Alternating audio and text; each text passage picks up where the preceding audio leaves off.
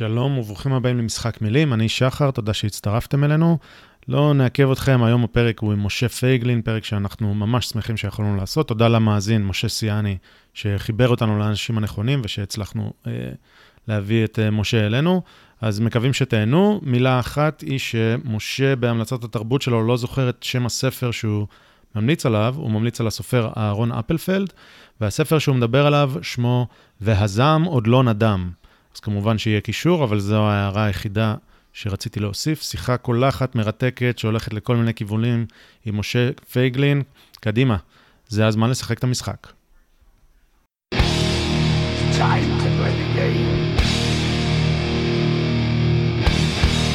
Time to play the game.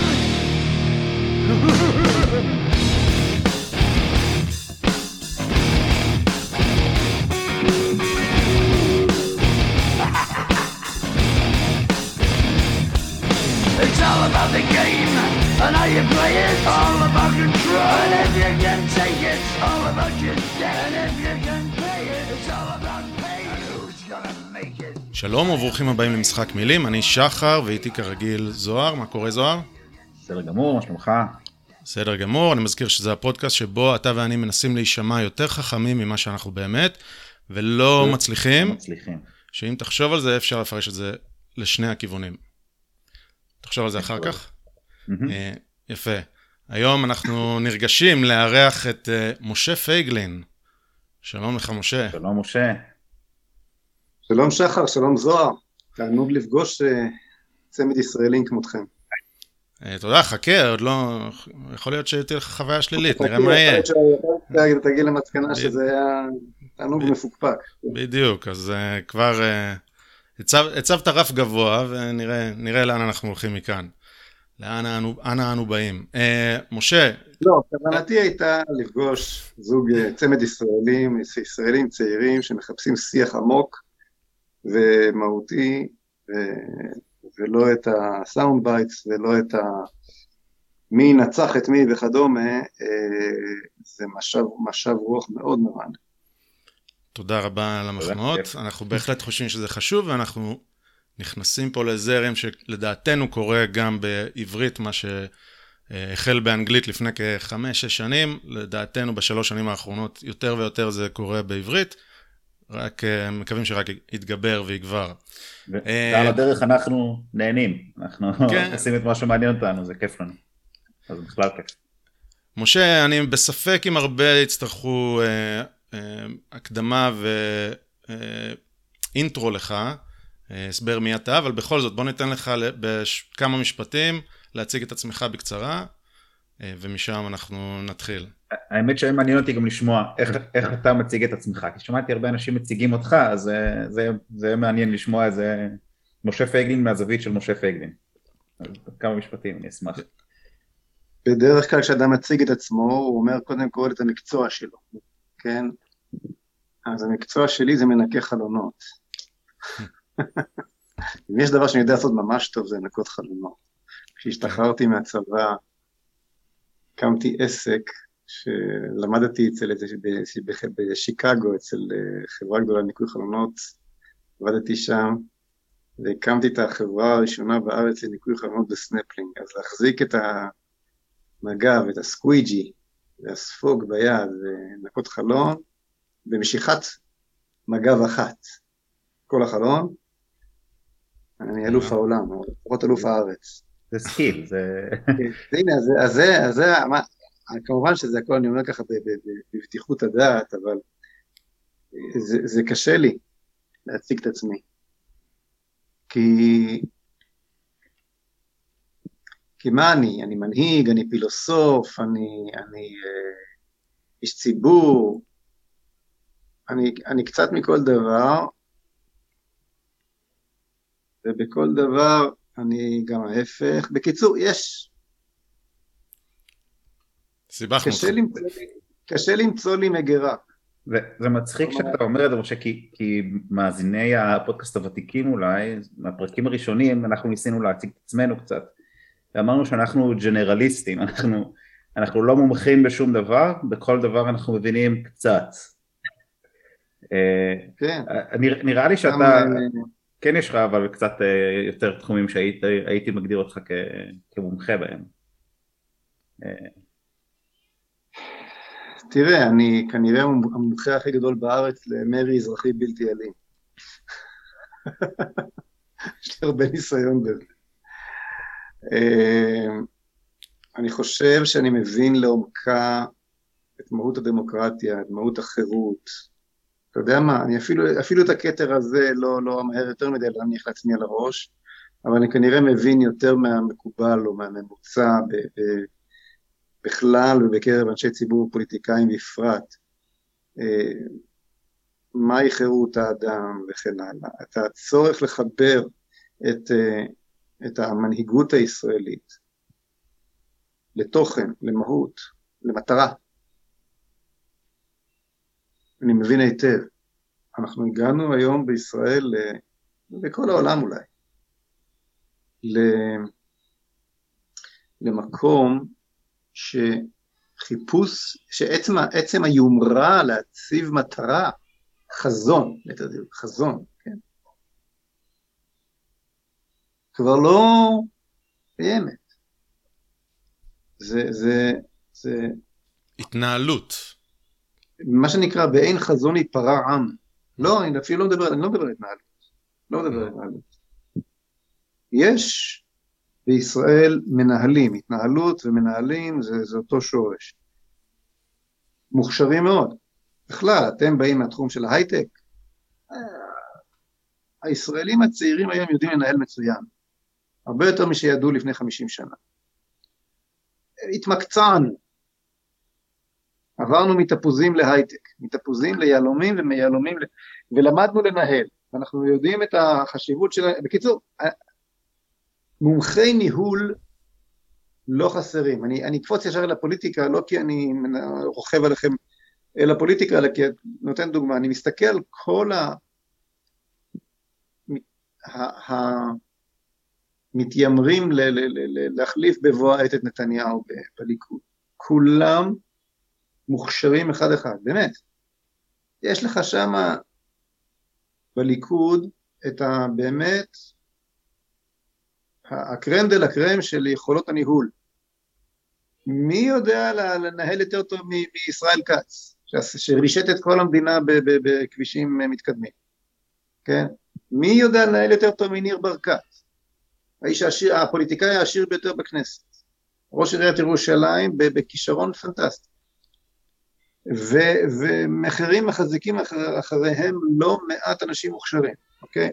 על המפלגות האחרות אני לא, לא אדבר כי הן לא, מגיעים, לא מגיעות לקרסוליים של מה שיש בליכוד. אני אומר, אני בכוונה מרשה לעצמי לדבר בלשון, בלשון הפח הזאת, כדי לייצר איזשהו אה, משקל נגד למה שמקובל. מקובל הוא בתקשורת וכולי ללכלך ולהפוך את הליכוד. חבורה אינפנטילית של בריונים ובונים וכן הלאה. זה פשוט כשאתה, כמות, כמות הדוקטורים והתארים וכולי. אבל אני אומר, חוזר, חוזר לעניין, הבעיה היא לא ביכולת הניהול, לדעתי גם לבנט יש יכולת ניהול לא רעה. כן, לא, לא מנהל דגול, אבל בכל זאת, הוכיח את עצמו בכמה, בכמה תחומים. אני מדבר על החזון, התחלתי בעניין של החזון. היכולת לחבר את החומר והרוח, היכולת לראות את המציאות מחוצה לה. הרי כשאתה מסתכל על, כן, נהרג לנו חייל, נהרג לנו חייל שבוע שעבר, שבועיים, שבוע שעבר הוא נפטר, שבוע שעבר הוא נפטר. למה הוא נהרג? כי לא היה מספיק... אה, בטונדות. כי צה"ל יותר, חלש, יותר חלש מעזה? הרי אנחנו, אנחנו, מאז מלחמת יום כיפור לא הייתה מערכה שלא הפסדנו. אתה מכניס את יום כיפור גם, גם לקטגוריה הזאת? אתה רואה אמירה של חבר הכנסת אה, רם בן ברק, התחיל בכחול לבן, עכשיו הוא אצל לפיד, כלומר הוא לא במפלגות השמאל הכי קיצוני. סגן ראש המוסד לשעבר, נכון? סגן ראש המוסד לשעבר. זה המשפט הבא שלי, כן? סגן ראש המוסד. אז בן אדם שבאמת, אני, יש, איך אומרים, יש לו, יש באמתחתו בוודאי מסירות נפש לביטחון ישראל ומבצעים אה, אה, אה, עלומים שהוא השתתף ושהוא תכנן ועשה רבות למען ביטחון ישראל. ואז יצא לבן אדם הזה, כשהוא כבר איש ציבור, אמירה כל כך מטומטמת מהפה. הוא אומר, לא אכפת לי שבראש המוסד תעמוד אישה ערבייה חברת תנועת האחים המוסלמים. עכשיו זה בסדר אם אתה אומר את זה כי האידיאולוגיה שלך היא שמדינת ישראל צריכה להיות מדינת כל אזרחיה, צריך, צריך להיות פה שוויון מוחלט ו- ו- ואתה אה, לוקח את זה לקצה, בעצם מוותר על המדינה היהודית.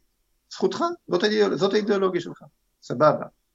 לדעתך, חזון, חלום כל הדורות, שבשמו הקמנו כאן מדינה אחרי אלפיים שנה, היה הקמת מדינת כל אזרחיה. בסדר. אבל כשאתה אומר את זה על רקע ביטחוני, כשאתה אומר, כשאתה אומר אמירה כזאת, ולא מסוגל לפקוח את העיניים למשמעות הביטחונית שלה, הטכנית שלה, אוקיי? זה מפני, וזה, זה, זה, כי הרי ברור שאם אתה תיקח, הרי, הרי מהי תנועת האחים המוסלמים? זה התנועה למחיקת מדינת ישראל, אין, זה לא, זה שמן ומים, זה לא, ברור, כן? לא רק ישראל, באופן כללי, יש שאיפות גדולות. בוא ניתן לאל-קאידה לנהל את ה-CIA ואת ה-FBI. זה, בדיוק אותו דבר. תן לי רגע. אני חושב שאם השאלה הבאה לרם בן ברק הייתה, האם אתה בעד מדינת כל אזרחיה? הוא היה אומר שלא. הוא היה אומר שלא, ולכן יש פה פער מאוד מאוד גדול. אתה יודע מה, שחר? אני אפילו לא יודע מה הוא היה אומר. אני חושב שהוא היה אומר שכן, אבל לא חשוב. זה כבר לא רלוונטי. זה כבר לא רלוונטי מה הוא היה אומר. עבורי האיש הפך להיות בלתי רלוונטי. תשמע, למה לדבר על עצמנו? ואני, ואני שוב, אני, אני מדגיש, זה הבן אדם שהוא בוודאי חכם, אמיץ, אה, אה, מסר נפשו עבור, עבור, אה, עבור המדינה, בוודאי שיש יש, יש הרבה מה לכבד ולהעריך אותו, אבל מטומטם גמור, מטומטם גמור. אז איך אתה יכול להגיד על בן אדם שהוא כל כך מוכשר, הגיע לדרגת סגן המוסד שהוא מטומטם, הוא עושה הרבה יותר ממני, הוא הרבה יותר חכם ומוכשר ממני, אבל מטומטם. אז... אני, אני אתן דוגמה, אני אתן דוגמה. Uh, הרמטכ"ל האמריקאי, יושב ראש המטות המשולבים, uh, כן? אסף, יצא במסיבת עיתונאים למחרת הקריסה המפורסמת באפגניסטן, ואמר שלא היה שום סימן 11 יום מראש לתבוסה, לקריסה באפגניסטן. אף אחד לא, יכול, לא נתן להם, לא היה להם שום אחיזה מודיעינית, או איך שלא נגדיר זאת, שום, שום יכולת לצפות, כן, אני יכול, אני יכול לשלוח לכם את ה... יכול גם למצוא את זה, זה קל, זה שודר בכל העולם. כן. אולי כדאי שתקרינו את זה באמת, את הקטע הזה. יוצא הרמטכ"ל האמריקאי שיש לו את כל, מיליאר, את כל התקציבים שבעולם כדי להגיע לכל הטלפונים ולכל כן, מי שצריך כדי לדעת מה הולך לקרות. והוא אומר לך רגע לפני התבוסה הפנומנלית לאל-קאעידה, כן, אה, לטליבן, סליחה, אומר, אה, לא ידענו. עכשיו, מה לעשות שאני הקטן, ימים ספורים לאחר נפילת התאומים, כעת חיה לפני עשרים שנה. כתבתי, כתבתי, אמריקה תתפוס את בן לאדן, אין בזה בכלל שאלה. עם היכולות שלהם הם יגיעו אליו, היא תכבוש את עיראק, היא, תפ... היא, היא, היא תכבוש את אפגניסטן או תשתלט על אפגניסטן, היא בדרך יהרגו אלפים, אלפים יהרגו, ובסופו של, של התהליך אמריקה תפסיד. לא, לפני, לא 11 יום מראש, 20 שנה מראש, כתבתי בדיוק מה קרה, אני אשלח לכם את זה. או אם קראתם את הפוסט האחר, כתבתי בשבוע, ציטטתי את זה באחד הפוסטים שלי האחרונים. במאמר שכתבתי אז, שנקרא אמריקה הפסידה, שכתבתי אז לפני עשרים שנה. אז, אז מה הפך אותי בפועל להרבה יותר חכם מהרמטכ"ל האמריקאי? מה הפך אותי בפועל להרבה יותר חכם, ומס... לא חכם, אבל מסוגל לצפות, או מסוגל להביט במציאות בכלל, אוקיי? מכל הגנרלים שהביאו עלינו את אוסלו, ואני הקמתי את זו ארצנו נגד הסכמי אוסלו. בדיוק מה שיקרה אמרתי, וקרה, וקרה כן. ואני חוזר כאן לעניין הזה של החיבור בין החומר והרוח.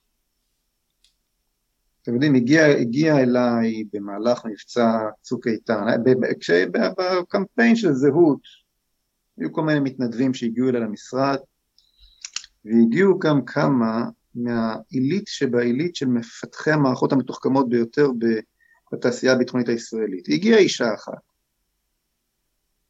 שהעידה על עצמה שכשבקבינט הביטחוני מנהלים דיונים, אז לפעמים מזמינים אותה כדי שהיא תסביר לשרים את היכולות. זאת אומרת, מדובר באחד שלא קוטל, לא, לא קטלקניה מה שנקרא, כן? אני אומר לה, אז למה באת? מה, מה יש לך לחפש אצל מפלגה קטנה על סף אחוז החסימה וזה? מה, את מחפשת אצלי? היא ניסתה להסביר ולא מצאה את המילים. אמרתי לה, אני אגיד לך מה, מה, מה חיפשת אצלי. נמאס לך לנס, להחליף צדק בטכנולוגיה. היא אומרת לי, בדיוק. אוקיי. Okay. אז, אז זה היה הקטע הדיבור שלך כששאלנו מי אתה, משה. אז אה, אני רק, אני רק אומר שמחכה לנו הרבה. לא, אני לא יכול להגיד מי אני, אבל, אבל היכולת הזאת לתכלל את החומר והרוח יחדיו, ולהגיע כתוצאה מכך לכיוון מעשי, לקווי מדיניות, לתוכן, למשמעות, ולבוא עם זה בצורה רלוונטית לציבור הרחב, קיימת בי כנראה במידה כזו או אחרת. ו- ו- ואני שמח אגב שזה בא לידי ביטוי לא רק בענייני מלחמה ושלום ויהודים וערבים ואסלאם וזה, אני חושב שהיכולת הזאת גרמה לכך שאני אהיה כיום הפוליטיקאי היחיד שאומר את האמת לגבי הקורונה וההתנהלות. אוקיי, okay, נגיע גם לקורונה. אני רק אה, רוצה להגיב למשהו שאמרת בהתחלה יחסית על ההייטק הישראלי, שבמידה רבה יש לו אה, רומנטיזציה, ואני חלק מהאקוסיסטם הזה, ואני חושב שזו תעשייה שעושה פלאים, אבל היא סובלת מאותה בעיה. כלומר, בואו אני אטפח לעצמי טיפה על השכם, אה, מדברים אצלנו בחברה לעשות סדנאות ניהול למנהלים בכירים. אה, ואמרתי, בסדר, סדנאות ניהול בכלל לא מעניין אותי. לא רוצה לשמוע. אם, ברגע, ש, ברגע שיגידו סדנאות מנהיגות, או, אני מתעניין. אבל אם תגידו סדנאות ניהול, לא מעניין אותי. יש לי 20 שנה של ניהול, או קצת פחות, 15 שנה של ניהול, בסדר, יופי. אני חושב שצריך להתעסק במנהיגות. ובמידה רבה אני חושב שאם נסתכל על תעשיית ההייטק הישראלי, המאוד פורייה, אבל ממעוף הציפור, זה, החז, החזון, אם אני משליך חזון אה, מדיני, פוליטי, אה, לאומי, למה שקורה בהייטק, החזון הוא שגוגל יקנו אותי. אקזיט. אה, ויהיה מאוד קשה עם הישראלי הציני הממוצע, אוקיי? שאני ביניהם, לבוא ולהגיד לו, רגע, מה, מה מנסים לעשות? אנחנו הולכים לשנות את העולם. קשה מאוד להייטקיסט ישראלי, גם אם יש טכנולוגיה שהחזון שלה צריך להיות שהוא ישנה את העולם, הוא לא יגיד את זה. אה, והוא, ואולי לא חושב על זה, הוא או היא.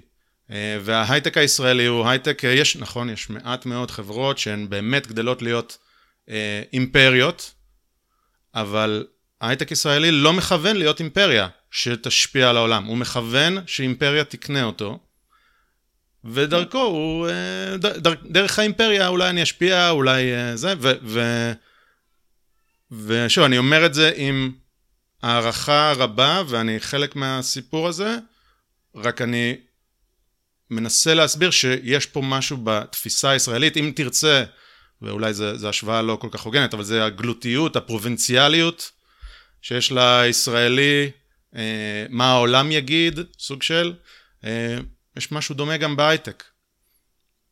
אה, אז, אה, אז כן, זו, זו תעשייה שמחזיקה את הכלכלה הישראלית על גבה כמעט, לא לגמרי, גם עם, זה, גם עם אמירה כזאת יש לי בעיה, בעיה רבה, אבל, אבל נגיד ואנחנו אומרים אותה, אמ, ובכל זאת היא סובלת מאותו סימפטום שאתה מתאר.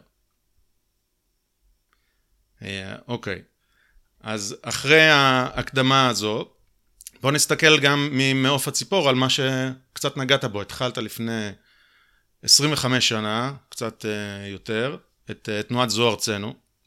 זו הייתה תנועה ששווה לדבר עליה, כי הרבה מהמאזינים שלנו הם, uh, בוא נגיד, באזור הגילאים שלנו, אנחנו באמצע שנות ה-30 שלנו. בזו ארצנו, אנחנו מבית, מגיעים מבית שכן, היה מעודכן, מעורב, אני בתקופת אוסלו הייתי ככה איפשהו בין סוף היסודי לחטיבה, ואני זוכר שבבטן לא התרגשתי מאוסלו כמו שסביבי, שנינו גדלנו בתל אביב. אז בתל אביב הייתה התרגשות, והורים של חברים שלי שאלו אותי כמה אני מתרגש וזה, ואמרתי, אני לא מתרגש, והיה לי בבטן, כי ברור שזה מגיע גם מהבית, אוקיי? אני לא אשקר. אבל על זו ארצנו לא באמת שמעתי, למרות שהחדשות היו פתוחות אצלנו בבית. לא באמת שמעתי, לא אז. אה, ואם כן שמעתי, אז אתה יודע, זה אלה שמרביצים לשוטרים. אני לא באמת זוכר את זה מאז, אני זוכר את זה מתקופות של אחר כך, בדיעבד, האלה שהרביצו לשוטרים. הפעם הראשונה ששמעתי על השם שלך, שאני זוכר בזיכרוני את השם שלך, זה קמפיין אה, בחירות אני חושב, נדמה לי שב-2009, שתשדיר של אה, קדימה, של קהל שצועק ככה, התשדיר הולך, היידה ביבי, היידה, מין קהל כזה, אתה יודע, רקע אדום, מה שלא תרצה. היידה ביבי, היידה שרה, היידה פייגלין. כלומר, בחרתם ביבי, קיבלתם את המשוגעת, וקיבלתם את המרביץ לשוטרים, שלא לומר פשיסט, שלא לומר יותר מזה, אוקיי? ואז אמרתי, רגע, למה אני אמור לדעת מי זה פייגלין, וזה אמור לגרום לי לחשוב למי להצביע? זה היה כאילו ידוע. פייגלין סכנה, אדום, הצבעתם ביבי, קיבלתם פייגלין, אוי ואבוי. אז אני, אני לא יודע מה אני שואל אותך בעצם, אבל אני אומר, אני לא, לא שמעתי עליך אז בזמן אמת, זו ארצנו בתור נער, ומגמה של 25-26 שנים עד, עד הלום, אם תוכל, גם שאלה גדולה, אבל יש פה איזה טרנד שקרה ב-26 שנה האלה, אה, מבחינת התפיסה הציבורית אותך ובכלל, מבחינת איפה היה אוסלו אז ואיפה אולי אוסלו היום, אוסלו שם קוד, בסדר? התפיסה שמביאה את אוסלו. אה, איך אתה ממעוף הציפור מסתכל על 26 שנה כאלה, ואני, ובאמת, אם זו שאלה גדולה מדי ולא הוגנת, אז, אז תחזיר אותה אליי, אני אנסה לצ, לצמצם, אבל... אה, תראה, אתה לא שמעת עליי, ואם שמעת עליי בהקשר מאוד מאוד שלילי, כי הצנרת שמעבירה את האינפורמציה, זאת אומרת אמצעי התקשורת, היא, יש לה צורה מסוימת, החתך של הצינור יש בו צורה, אם אתה לא בצורה של הצינור, אז או שאתה לא עובר, או שאתה,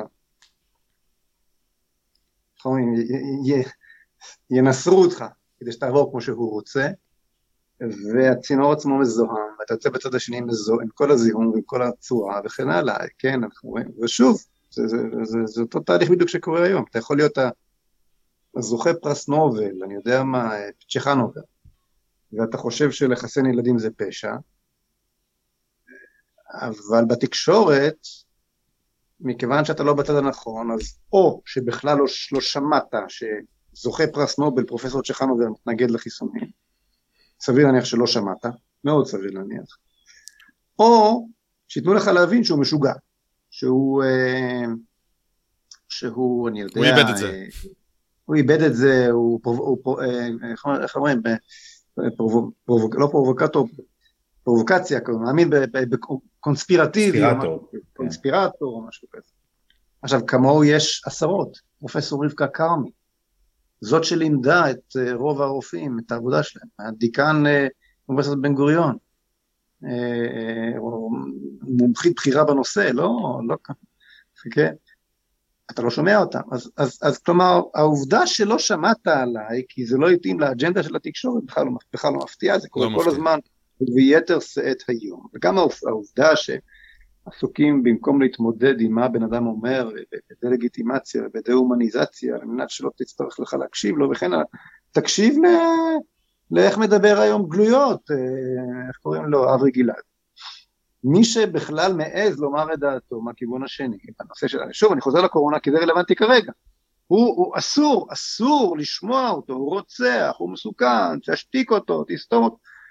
בוא נאמר ככה, באופן פרדוקסלי, סליחה, באופן פרדוקסלי אנחנו, הידרדרנו אחורנית בחסות הטכנולוגיה לימי ציד המכשפות בימי הביניים. עכשיו זה פשוט הרבה יותר קל. עכשיו זה הרבה יותר קל. בדיוק. אנחנו היום כתרבות נמצאים במצב יותר ירוד ונמוך מזה שהיו שוכני הכפר אי שם ב- ב- באירופה שרצו אחרי המכשפות. אני לא יודע אם זה יותר קל.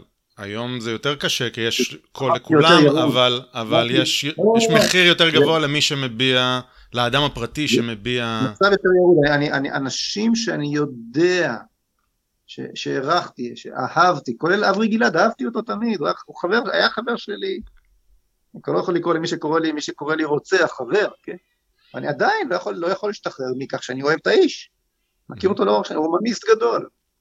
רבנים שאני נהניתי כל כך לשוחח איתם, אינטלקטואלים גדולים, איבדו צלם אנוש. איבדו צלם אנוש. במובן האינטלקטואלי בוודאי, וגם במובן המוסרי, במובן של יכולת הבחירה בין טוב לרע והעמידה, והעמידה לצד הטוב. הפכו להיות עדר. וכל זה בעידן שדמיין שהתקשורת היא חופשית, ובימי זו ארצנו, כשאני פתחתי את המאבק שלי, לא היה אינטרנט. כלום. האינטרנט אמור היה לייצר את ההפך, לתת למידע לזרום באופן חופשי, שדבר זה יהיה בלתי אפשרי, אבל קורה בדיוק הפוך. בדיוק הפוך. מסתבר שהסכנות שעומדות תמיד בפתח, מה שנקרא לפתח חטאת רובץ, כן?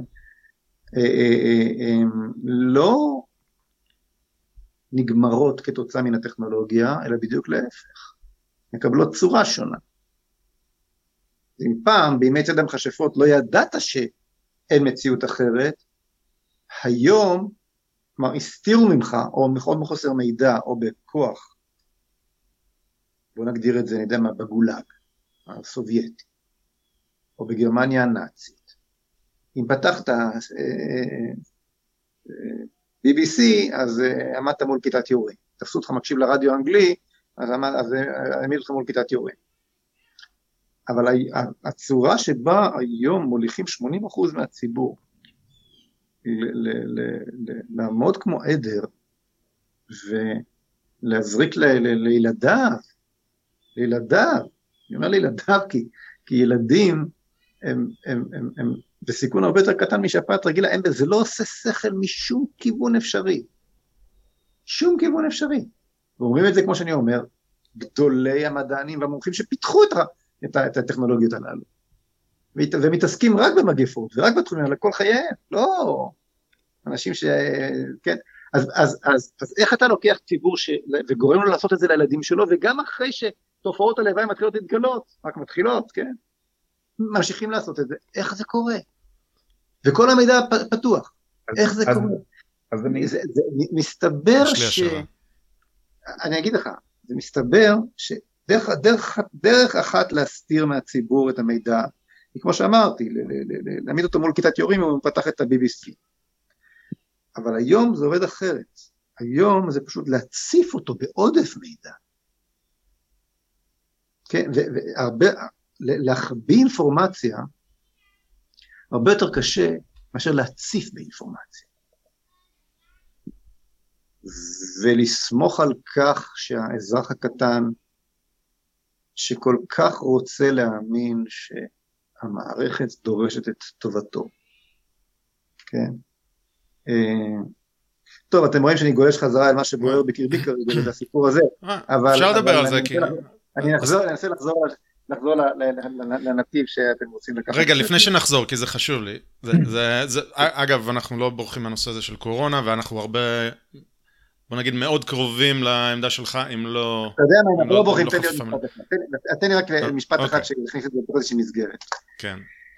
כי ככל שהזמן עובר, אני מנסה גם כלפי עצמי לסדר את המציאות ולהבין אותה, וכמו שאני מבין אותה, יש כאן משהו שהוא כמובן הרבה הרבה מעבר למחלה. יש מחלה, לא משהו שהרבה מעבר למחלה. מה שקורה הוא שבלי ששמנו לב, ענקיות המדיה, כן, טוויטר, פייסבוק וכן הלאה, יוטיוב וכדומה, השתלטו לנו על התודעה. אני מדבר על, על האנושות. כלומר, מחשבי על מנהלים את התודעה שלנו. וענקיות הפארמה השתלטו לנו על הגוף. והפוליטיקאים מצטרפים לזה, כי זו חולשתה של הדמוקרטיה. הם הולכים לאיפה שקל. פוליטיקאי הולך לאיפה שקל. הרי אם הייתי כזה, הייתי היום שר בכיר בממשלה, כן? אני, אני, אני לא, הדרכי הפוליטית הרבה יותר קשה, כי את הדבר הזה אני לא מוכן לעשות. אז אני... אה, נוצר מצב שהאנושות כן. היום, האנושות היום היא כולה גולג אחד גדול. זה לא שיש שם בערבות סיביר כמה מסכנים, או כמה מיליונים, או עשרות מיליונים, שסטלין שם מאחורי גדר תיל. לא, כל אחד בביתו, כל העולם נעטף באיזה גדר תיל כזאת, שקופה ומתקתקה. יש... זה האתגר הגדול, שלכם, שלכם חברים. אם אני יכול, יש לי כמה... כמה נקודות, כי, כי אמרת הרבה דברים וזה, אז הייתי רוצה בכל זאת uh, to push back, מה שנקרא, על כמה דברים. Yeah. כן. קודם כל, uh, נתת רשימה של, uh, של אנשים מאוד מכובדים עם credentials, תעודות מ, בשקיהם, ואנשים באמת מאוד מכובדים, אבל אני חייב להגיד ש... credentials זה חשוב, ולדעתי אמרנו את זה גם בפרקים קודמים, גם לרן בן, בן ברק יש קרדנשלס. יש קרדנשלס מאוד מרשימים. אה, וכמות האנשים שיש להם תארים מאוד מרשימים שחושבים הפוך מאותה רשימה היא כנראה גם מאוד גדולה. אז אני, אז אני אמרנו את זה ואני אגיד את זה שוב. אני גם ספציפית נגיד שמעתי את רבקה כרמי פרופסור רבקה כרמי מדברת בנושאים אחרים שפשוט לא הסכמתי אמרתי איך היא יכולה לחשוב ככה? היא, היא טועה כנראה בהכל ובנושא הזה אני כנראה, אני, אני כנראה מסכים איתה. אז אני, אז אני אומר, הקרדנציאלס הם חשובים במידה נחותה בעיניי. לכו אחרי הראיות, תחפשו בעצמכם, תבדקו את הנתונים, תקראו את מגוון דעות ותגיעו למסקנה. אל, אל לא, תלכו אחרי מישהו כי הוא... אבל זוהר, תרשה לי לדייק אותך, סליחה. אני לא אמרתי, אה. תקשיבו להם ולא להם. אוקיי. אמרתי, אז, היה חשוב לי לחדד את זה. כל הקרדנצ'ל האלה לא תראו בתקשורת. נותנים לכם להקשיב רק לדעה השנייה. אולי הם טועים, כן. אתה צודק, אני מסכים איתך לגמרי, צריך ל... בסופו של דבר הבחירה היא שלך, אבל יש כאן מערכת שמון... לראשונה, אני רוצה לומר לכם משהו. אני עמדתי ב, ב, ב, בחוד החנית, או אם תרצו, בלב הסערה, כן, בעין הסערה, של המחלוקות הכי גדולות שהיו במדינת ישראל כמעט בשלושים השנים האחרונות. אוסלו וההתנתקות וכל מה שביניהם, ועכשיו, כן, בקורונה והכול. הייתי שם. לא קרה, החוויה הזו של הראשונה, התקשורת באופן גלוי אומר, אומרת, אני לא אשדר את הדעה השנייה. כשאני הקמתי את זוהר צנו, אוקיי? אז הביאו אותי, אז הקימו את פופוליטיקה, אתם עוד הייתם ילדים, אבל אז התחיל פופוליטיקה, איך קראו לו, דן מרגלית ניהל את פופוליטיקה, והיה שם את טומי לפיד, אבא של אה, יאיר, ושהוא כאילו ייצג את הימין, אבל תכלס ייצג לחלוטין את השמאל. דנקנר ועוד איזה חמישה שישה שמאלנים, והמראיין עצמו היה שמאלני, והביאו אותי בנחיתות מוחלטת, והיו חייבים להביא אותי, כי אני חסמתי את כל המדינה, אז אני הייתי החדשות. עשו, עמדו על הראש כדי לגרום לכך שלא אוכל להוציא משפט מהפה, אבל עדיין הביאו אותי. כדי שתהיה איזושהי מראית עין של הצגת העמדה הנגדית. לא היה את המציאות שיש היום, והיא שזה, שאסור להביא את הדעה הנגדית, ולא שלי, של כל כן. הפרופסורים הללו שציינתי. למה אמרתי את כל. את כל ה... למה ציינתי את, את, את, את, את שמותיהם? לא כדי, שת, לא כדי לשכנע אתכם שהם צודקים ואחרים לא, אלא להגיד, חבר'ה, מה קורה פה? זה אמור להיות כרטיס. במהות הכי בסיסית של הבנת החירות, הבנת הדמוקרטיה, הידרדרנו למחוזות סיניים בעליל, ועוד לא הגענו לתחתית החבית. סין זה, זה, זה מעבר לפינה, בצעדי ענק לשם. עשינו לפני שנתיים פרק שדיברנו על חששנו משיטת האשראי החברתי של סין, ואיך אוי ואבוי, איזה... והנה אנחנו הנה, כאן. הנה כן. אנחנו כאן, וזה רק יחמיר, וזה באמת, הבאנו מסין אה, וירוס שאני אסתכן כמעה ואגיד שיוצר במעבדה, ו... ומי שלא יסכים עם האמירה הזאת מוזמן לשמוע את פרק 64 שלנו, שמסביר, אפשר להגיד גם בסבירות גבוהה. מסביר שאם אני צריך לשים כסף, אני, את כל הכסף שלי אני שם בלי לחשוב פעמיים על זה שהווירוס הזה יוצר במעבדה. אה, אז הבאנו לא רק את הווירוס הזה, אלא גם את שיטת המשטר.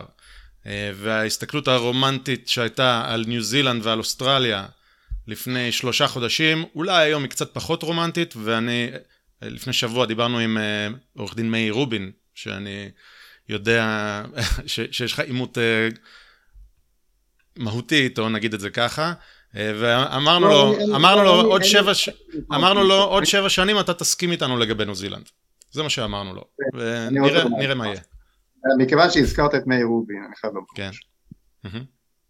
מאיר רובין הודיע שלפני שנה ששוודיה גמורה. והוא יצא במלוא הקיטו על מנת להחמיר את ההגבלות ואת הבידודים ואת החיסונים, ואני לא יודע, כל, כל, כל מה שרשום בספר ועוד לא רשום, הוא רוצה עוד. כן. שבוע שעבר, שוודיה הודיעה שהיא לא מוכנה שישראלים ייכנסו לשטחה. החוצפנים האלה, שלא טעמו את טעמו של מזרק, אלא אם כן התנדבו לכך אה, ביוזמתם, שילד שהגיע עם מסכה לבית הספר נשלח לביתו עם פתק להורים, אוקיי? שלא היה שם שום בידוד ושום סגר למעט המלצות ביזריות בין, בין שמונה לעשר למי שמעוניין. בקיצור, לא תמצא שום תמונה משוודיה של, ש, ש, ש, של ציבור רחב שמסתובב עם מסכות על הפנים, לא תמצא. מדינה שיש בה אוכלוסייה זקנה פי שתיים מאשר בישראל, אוכלוסייה בסיכון פי שתיים מאשר בישראל, גמרה את שנת 2020 עם תמותה עודפת רבע מישראל, רבע מישראל, לא שילמה את כל המחירים המטורפים ששילמנו בחיי אדם ובכסף ובכלכלה ובבדידות ובמה לא, ושנת לימודים שלמה שהפסידו הילדים, הילדים שלנו, כן? כלום מכל זה הם לא שילמו, כלום. והם עכשיו סוגרים את שעריהם בפני המדינה האדומה הזאת, ישראל. עכשיו, האם אדון מאיר רובין יבוא ויגיד טעיתי? בחיים לא. זה אנטי אינטלקטואליזציה בסיסית. מלבד העובדה, ואני לא אומר את הדברים האלו בקלות, שהצורה שבה הבן אדם הזה מתבטא כלפי, אה, אה, לא כלפיי, אותי מותר להשמיץ, הרי ציינתם, אה, אני פוליטיקאי, אותי אפשר להאשים באלימות וכזה. פרס נובל, לא, סתם קשקשן, רק, רק, רק אני יודע. זה, זה, זה, זה סוג של, אה, הבן אדם הזה היום, היום הוא היועץ של בנט, הוא, הוא במעגל הפנימי של בנט. איפה אתה חושב שבנט בא לך פתאום בהופעה ביזארית כזאת ומודיע שהמדינה מי שלא מתחסן יורה ורי... חמוש בתת מקלע ויורה וריאנטים של דלתא לכל אלה. מאיפה זה בא לו? ממאירובי. דה-הומניזציה מזעזעת, זה ממש על ה... כלפי מיליון אזרחים, כן. או יותר. וכעבור שבועיים הוא אומר שמי שבסכנה זה מי שקיבל את החיסון הראשון והשני, אז זה כמובן לא מסתדר עם הלא מחוסנים, הם כנראה באיזשהו חדר סגור, אז לכן הם לא בסכנה יותר גדולה. לפני, לפני שבועיים יריתי נגיפי דלתא לכל עבר, אז אם אני בתוך חדר סגור, איך יריתי? זאת אומרת, אין פה, אין פה שום קוהרנטיות, אין פה שום חשיבה, אה, אה, יושר אינטלקטואלי נקרא לזה, אין פה יכולת, אה, מה שנקרא, מה ש... הבסיס לכל מדע, עקרון הטלת הספק, לא קיים. אז כשאתה מזכיר לי את מאיר רובין, אם אני מסכים איתו או לא מסכים איתו, הוא, זה שוב, זה, זה מגיע לנקודה שבה הוא לא במקום שאני יכול להסכים איתו או לא להסכים איתו. הוא לא במקום שאני יכול לנהל דיון איתו, זה הבעיה. והבעיה היא לא רק מאיר רובין. אנחנו היום במקום שבו לא ניתן לנהל דיון. כן, גם בתוך משפחות מאוד קשה. היום ונורא. אז, אז אני אגיד לך, אני, אני קצת מבין את מאיר רובין. אני, אני, אני מאוד לא מסכים איתו, אני קצת מבין אותו.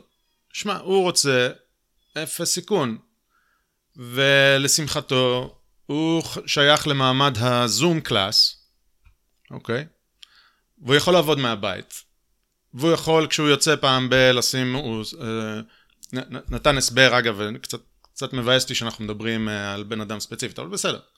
אה, שם את מסכת ה-N95 שהוא רכש, ומשקף, והוא כנראה יכול לעמוד בסבל הזה הרבה זמן, הוא אמר שהוא עושה פעילות גופנית כך, והוא עשה מילואים עם קרב מגע כך וזה, והוא מסוגל להביא את עצמו הכי קרוב לאפס סיכון, ויאללה חבר'ה, אל תדבקו, תשמרו על הילדים שלכם, תדאגו שתגיעו לאפס סיכון, משהו...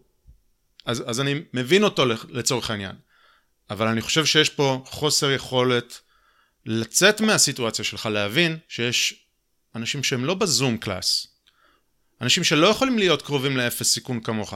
הניסיון שלך להגיע לאפס סיכון, או, או המדיניות שאתה תומך בה, של, שתביא אותנו הכי קרוב לאפס סיכון, או של כפיית אה, לא, הוא, הוא אגב לא היה ממש בעד כפיית חיסונים, אלא דברים אחרים, כן, תמריצים וכולי, הוא קצת, אה, אני, אני מרגיש כאילו בשיחה איתנו טיפה עידן את, אה, את עמדותיו כמו שאני חשבתי לפני השיחה, אבל הנזק המטורף שהוא עושה לאנשים שאינם במעמד הזום כמונו, כמוהו, וכמונו אגב, ואנשים ש...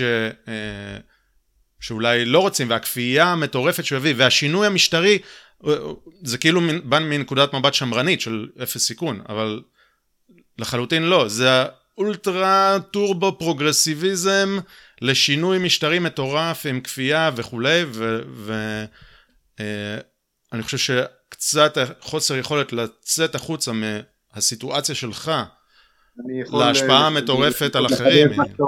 אני אנסה ברשותך לתת את זה בצורה יותר אה, מזווית אולי טיפה שונה ואני מאמין שטיפה יותר מדויקת.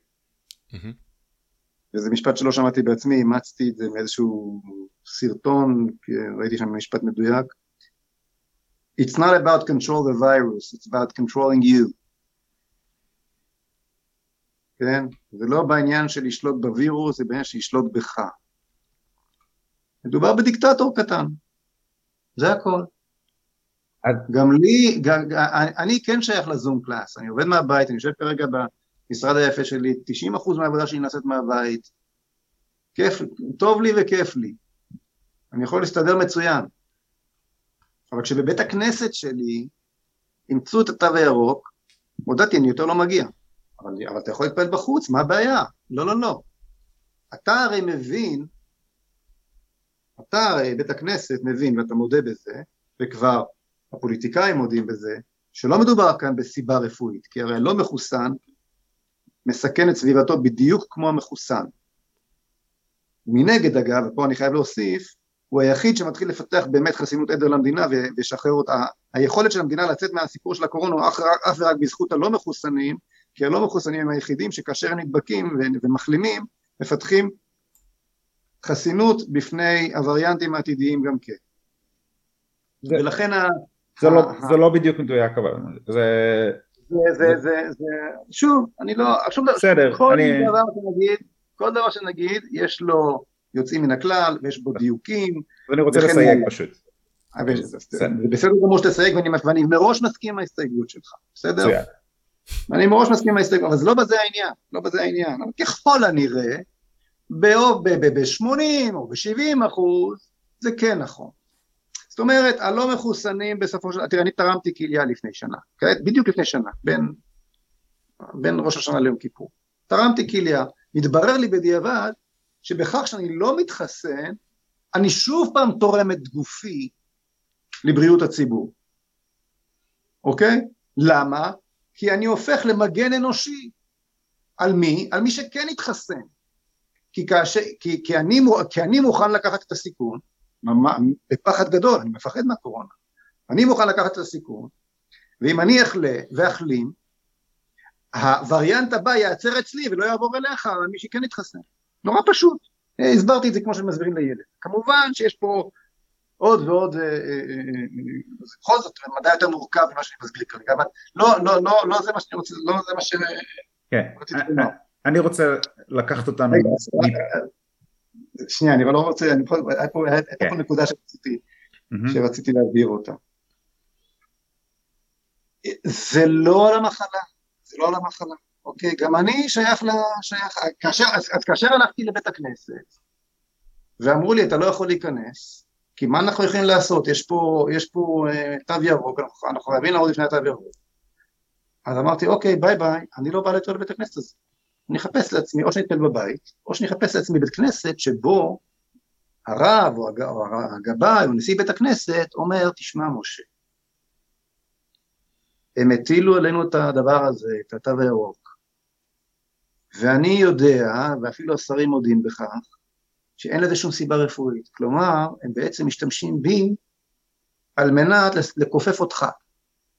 הם רוצים שאתה כדי להתפלל תצטרך לעשות את מה שהם רוצים, ואני, הרב, או המנהל, או המורה, או נשיא האוניברסיטה, או, או מי שנמצא במקום העבודה, או, או, או הבוס בעבודה, לא מוכן להיות שוטר של הדבר הזה. אני לא מוכן שיהפכו אותי לשוטר. ולכן תשמע, בוא תתפלל, אם יבוא פקח, אני אגיד שחשבתי, ואתה תגיד שלא סיפרת לי, וזה, זה מקובל עליי, לא מצפה מאף אחד שיעבור על החוק, ושיענישו אותו בגללי. אבל ברגע שאתה מתגייס בגיל ובשמחה לציד המכשפות הזה, מתחיל תהליך שבו האש הדיקטטורית הזו מזינה את עצמה באמצעות קורבנותיה. זה תהליך איום ונורא. רוסיה הסובייטית, ומה זה, מה זה הדירוג החברתי הזה שדיברתי עליו, עליו קודם לכן בסין היום, אוקיי? אם הלשנת על מישהו, שהוא אמר איזה בדיחה על המפלגה הקומוניסטית, אתה קיבלת נקודות זכות בדירוג החברתי. עכשיו כאן, כאן נקודת הזכות היא, היא בראש ובראשונה האישור שלך לעצמך שאתה בסדר. אני אסביר. ראיתם פעם מישהו שעושה חיסון נגד טטנוס או נגד שפעת שמצטלם ומפרסם לחברים? לא אין דבר. כזה, נכון? לא, לא יצא. פתאום אני רואה חברים שולחים תמונות בוואטסאפ. מקבלים את הזריקה וזה, זריקה, מה הולך פה? מה זה? זה, זה כיף? מה הקטע פה? אממה, בתוך תוכם אנשים מרגישים שלקחו אותם עם שרשרת על הצוואר, כמו את העבדים באפריקה, בג'ונגל באפריקה. עדין, דק, מתוחכם. הם מרגישים שהם נאנסו לעשות את זה, גם הרוב מודים שהם עשו את זה בשביל התו הירוק, לא בשביל בריאות. אז, אז, אז אם לך, if you can't beat them, join them, אתה לא יכול לנצח את המערכת, אתה מצטרף אליה. גם אני חלק מהטובים. אתה צריך אויב משותף, האויב המשותף עכשיו הוא אני. כן? הלא מחוסנים. זה תהליך מזעזע. משה, אבל מה שהצעת לגבי עם בית הכנסת וזה, זה קצת לא גלוי למי שחושב שהבית כנסת כן מתנהל לפי תו ירוק ודעתו לא כמו דעתך, הוא חושב שבית הכנסת הוא מנוהל לפי תו ירוק, ומסתבר ש... שזה לא המצב, אז, אז זה קצת, כן יש כאן משהו שהוא לא בסדר, לא פייר ולא מוסרי, לא? אתה, אתה בהחלט מאתגר אותי עכשיו, נכון, נכון. ולכן אני לא מסתיר מאף אחד, יכולתי להסתיר, יכולתי להגיד כן, חסנתי. ו, ובאמת הבעיה היא, מי שכבר מוחו נשטף, ולמרות שהאחד ועוד אחד הלוגי הכי פשוט, מביא אותך למסקנה שאין שום סכנה, מה גם ששרים, איך קוראים לה? איילת שקד הודתה במפורש, שזה נועד ללחוץ את הלא מחוסנים להתחסן, אין, אין לזה שום משמעות רפואית, שום משמעות רפואית. כן. שזה דרך אגב. דיברנו שבוע שעבר, וגם מאיר רובין אמר שהוא נגד, אה, נגד להשתמש בתו הירוק כדי לתמרץ, אלא רק כדי למנוע קריסה של מערכת, אה, מערכת הבריאות. כן, אבל מאיר רובין אה, יודע את האמת, אז הוא שיקר לכם. פשוט שיקר לכם. אוקיי. הייתי רוצה לקחת... אני מתנצל שאני אדבר ככה, איכשהו אני... אז אני רוצה מפה דווקא לצאת... בסדר, מאה אחוז. נעבור לנושא הבא. לא, לא בנושא הבא, באותו נושא, אבל כאילו בפרספקטיבה קצת יותר אה, רחבה. אה, אז אתה אומר, בוא, בוא נגיד ככה, אני בגדול מסכים עם הרבה מהדברים שאתה אומר, אה, ולכן אולי כשאתה אומר דברים מסוימים זה מצלצל לי ואני, מצלצל לי מוכר ואני בסדר עם זה, אבל יש פה, יש משפטים שאתה אומר כמו שהעולם הוא, הוא גולג אחד גדול, או, או דברים כמו, שמ, ש... אני מצטער שאנחנו מדברים עליו ספציפית כל הזמן, אבל פשוט משהו שאמרת שהוא דיק, דיקטטור קטן או משהו בסגנון, אז אני, אני יכול להבין את, ה, את הרצף הלוגי שלך שמביא אותך למסקנות האלה, אבל אני חושב שבן אדם שנגיד לא מסכים או, או מקשיב רק למיינסטרים, הוא רואה רק ערוץ 12, הוא לא יודע את כל מה שאתה יודע נגיד, ואז הוא שומע אותך והוא לא, לא מבין מה אתה קופץ לגולג אחד גדול, כל העולם, שמים אותנו באזיקים על הצוואר, כאילו הקפיצה לבן אדם מהמיינסטרים, בן אדם ששומע חדשות באופן ממוצע, היא קפיצה לוגית גדולה מדי.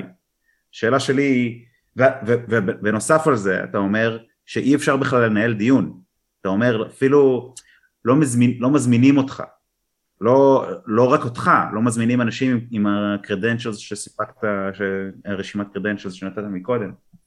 אז אני אומר, אולי הדיון, אולי זו הסיבה שלו, שהדיון לא מתנהל כמו שצריך, ואולי הדיון צריך להיות באמת אה, עדין יותר, אני לא יודע איך, איך להגיד את זה.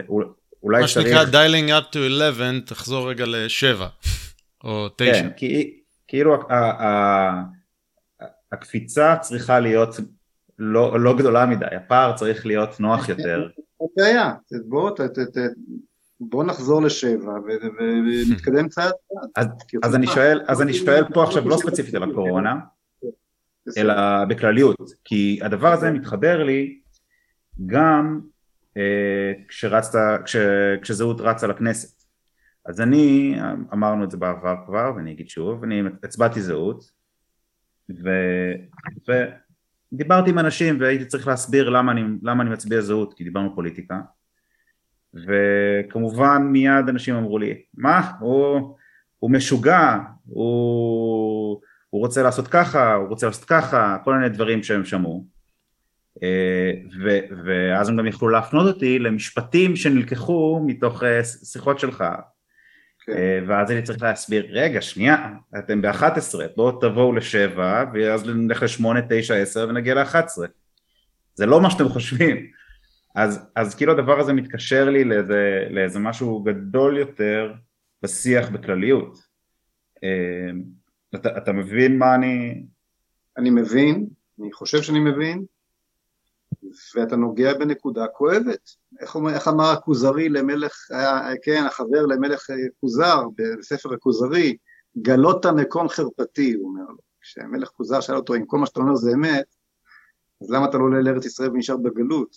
הוא אמר לו, גלות, תפסת אותי בנקודה החלשה שלי, גלות okay. אוקיי. מקום חרפתי, מושג יפה. כי, ולמה אני אומר את זה כל כך בקלות, שאתה צודק כנראה? כי אתה לא הראשון שאומר לי את זה. אז יש לי נקודת חולשה שאני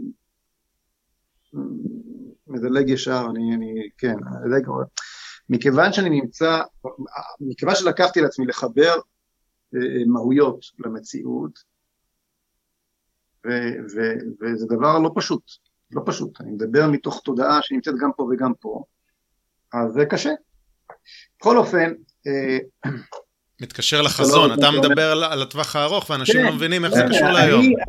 אני רואה מציאות בצורה הוליסטית, אני רואה את העקרונות שדרדרו את החברה האנושית לטוטליטריזם קשה, הולכים ומתגשמים במהירות הבזק מול עינינו.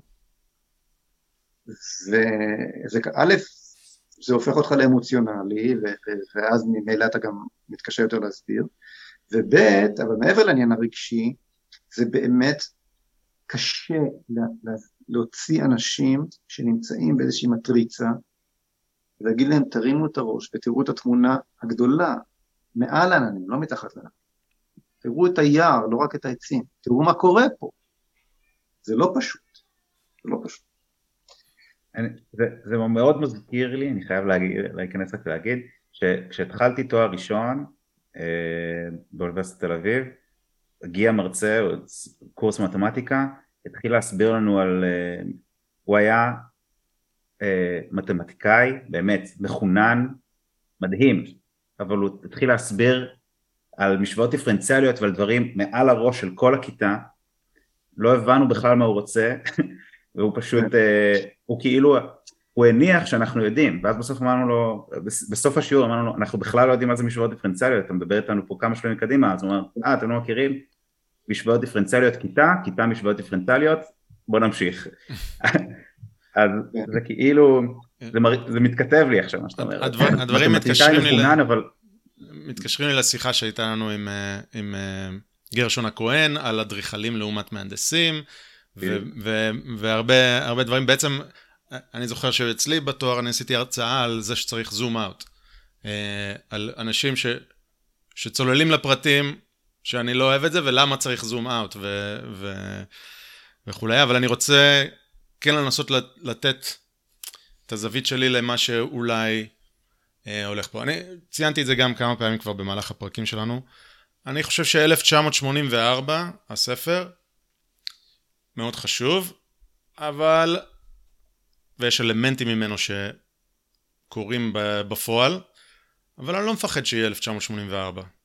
אותי הרבה יותר מפחיד עולם חדש מופלא, אה, שזה ספר שיצא קצת לפני, והוא מתאר שם מילה באנגלית ש...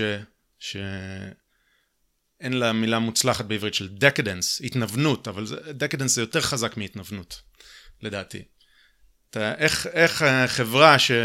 עוברת ככה, אה, מתעסקת בהנאה, בסומה, שזה הסם שלהם, ולכולם, לכולם, טוב לכאורה. מה זה טוב? עושר עילאי. כל הפרומונים וכל מערכת העצבים שלהם בשמיים, אבל זו דיקטטורה מזעזעת. ובעצם אני אומר שלא רק שזה יותר מפחיד, אלא באופן כללי, הדיקטטורה תבוא במינימום כוח האפשרי. אם היא תבוא, בסדר? אפשר, ל... אני מוריד אותנו חזרה לשבע, בסדר? אם היא תבוא, היא לא תבוא 1984 גולאגים. אני לא, אני לא חושב שהגולאג, מתחבר למה שאמרת, יחזור כמו שהוא היה. כי אז היה צריך את זה, היום לא צריך את זה. היום לא, זה לא, יהיה לא, ב... לא, לא, לא, אני יודע, אני... לא דיברתי על... אמרתי הפוך, אנחנו בעולם חדש מופלא, אנחנו לא... אני מסכים איתך, אני מסכים איתך, אני מסכים איתך. אז אני רק מפרק את זה במונחים שלי. בעצם לא צריך גולאג, לא צריך צפון קוריאה. סין עושה את זה באלגנטיות רבה יותר. נכון, נכון. אה, ולשם, זו הסכנה. ועם עושר, ויהיה לכם אנטרטיימנט ב-VOD, ומה שלא תרצה. אה, אז זה הרבה יותר מפחיד. עכשיו, אני חושב, כשאתה מדבר פה על, ה, על זה שדרדרנו מאז זו ארצנו, אתה יודע, שמה... תרשה לי לתת לך דוגמה שנתתי אותה באיזושהי שיחה. כן. אני חושב שהיא דוגמה שתעזור לנו לעבור משבע לשמונה. כן. אוקיי, להסביר את העניין. בוא נניח, הנה עכשיו אנחנו מקבלים את מנת הדחף השלישית, ועוד מעט, כמובן שאחרי חודשיים שלושה נצטרך את הרביעית והחמישית והשישית, כן? כן. ברור. וגם מכינים אותנו לזה, זה לא... כבר אמרו, נכון. מעניינות. אני חושב שגם הציבור מבין שלשם זה הולך, כן? אנחנו נהיה תלויים בפייזר או במי שלא יהיה, בפארמה, נהיה תלויים במדינה, מי שיספק לנו את הנרקוטיות, ה-mRNA הזו, כן? בכל אופן, מגיע נניח המנת הדחף השמינית, ועזוב כרגע את כל תופעות הלוואי שהתלוו אליה, ופתאום, איך קוראים לו? בורלה, אלכס אה, בורלה, אלכס קוראים לו? אלברט. אלברט, בורלה מודיע, חבר'ה, אין לי יותר שפנים בכובע, מצטער, לא יכול יותר. גמרתי את כל הספקטרום של החיסונים שלנו, אין יותר. ומה לעשות, ויש עכשיו איזשהו וריאנט חדש, וריאנט Z. הווריאנט הזה צוחק על כל החיסונים ועל כל מנות הדחף, והוא לא... והוא מצפצף צפצוף ארוך על כל הסגרים ועל כל הבידודים ועל כל הבדיקות, ווריאנט Z האימתני מהלך עלינו אימים, ובורלה, פייזר כבר לא שם, אמנם עשינו מצעד ביום העצמאות עם הצורה של המזרק, הדבר הנלעג והמזעזע ביותר שראיתי בכל ימי העצמאות בימי חיי. וכשכתבתי על זה, כתבתי פוסט קטן עם הדבר הזה, כתבתי, התחרפנו לגמרי, מה זה הותקפתי על ידי כל ה... מה לא כולם, אבל רבים מהעוקבים, איך אתה מדבר? לא, לא הבינו את ה... כן, זה היה נורא, ראיתי את זה גם. הפך להיות, זה ממש להיות, ממש הפך להיות עבודה זרה, זאת אומרת, אומה שלמה סוגדת למזרק הזה, כן? והנה המזרק הזה מודיע, אני לא קיים יותר, לא קיים יותר. ויש לנו את הווריאנט C הזה, והוא אה, צוחק עליה. ואז מסיבת עיתונאים דחופה, שמונה, בל... שמונה בערב, כנהוג, מבט לחדשות, כל הערוצים במקביל, כל ערוצי הרדיו, הטלוויזיה, משדרים את שר הבריאות ואת ראש הממשלה ואת כל הפרופסור, אה, כל הפרופסורים וה, וה, והמדענים שמטעם משרד הבריאות, אה, כן, שאנחנו רואים אותם כל הזמן על המסך, אותם ורק אותם וכן הלאה, כולם שם יושבים במבט חמור סבר ומסבירים לנו שאומנם אין חיסון, אבל יש חידוש מדעי, מיטב המדענים של מכון ויצמן, וכן, גילו שווריאנט Z יודע לשכפל את עצמו רק כשאתה ישן על צד שמאל. אבל אם אתה ישן, תישן על צד ימין במשך שבועיים, הוא לא ישכפל את עצמו, וככה נמגר את, נקטע את שרשראות ההדבקה. והוא ימגר את עצמו. ו, ולכן, אה, חוקקנו חוק חירום, שכל אזרחי ישראל חייבים לישון רק על צד ימין. ובכדי לוודא שכל הקונספירטורים ומכחישי המדע לא אה, יראו לנו חיידק, אה, נגיפי זי לכל עבר, אז אנחנו הולכים לשים מצלמות חכמות בכל חדרי השינה בכל הבתים בישראל. עכשיו השאלה היא, האם אתה תהיה מוכן שישימו לך מצלמה חכמה כזו בחדר, בחדר השינה? רק לשבועיים, עכשיו, רק לצורך... אה, רק לשבועיים, עד שנמגר, עד שנמגר את הנגיף. לא צריך לדאוג, אנחנו כמובן מיד אחר כך נוציא את זה, אבל במשך שבועיים חייבים, חייבים, מה, אין מה לעשות. כן, בחדר שינה. חברים, התשובה היא שכבר עשינו הרבה יותר גרוע מזה. מסרנו את ילדינו למולך של הניסוי של פייזר.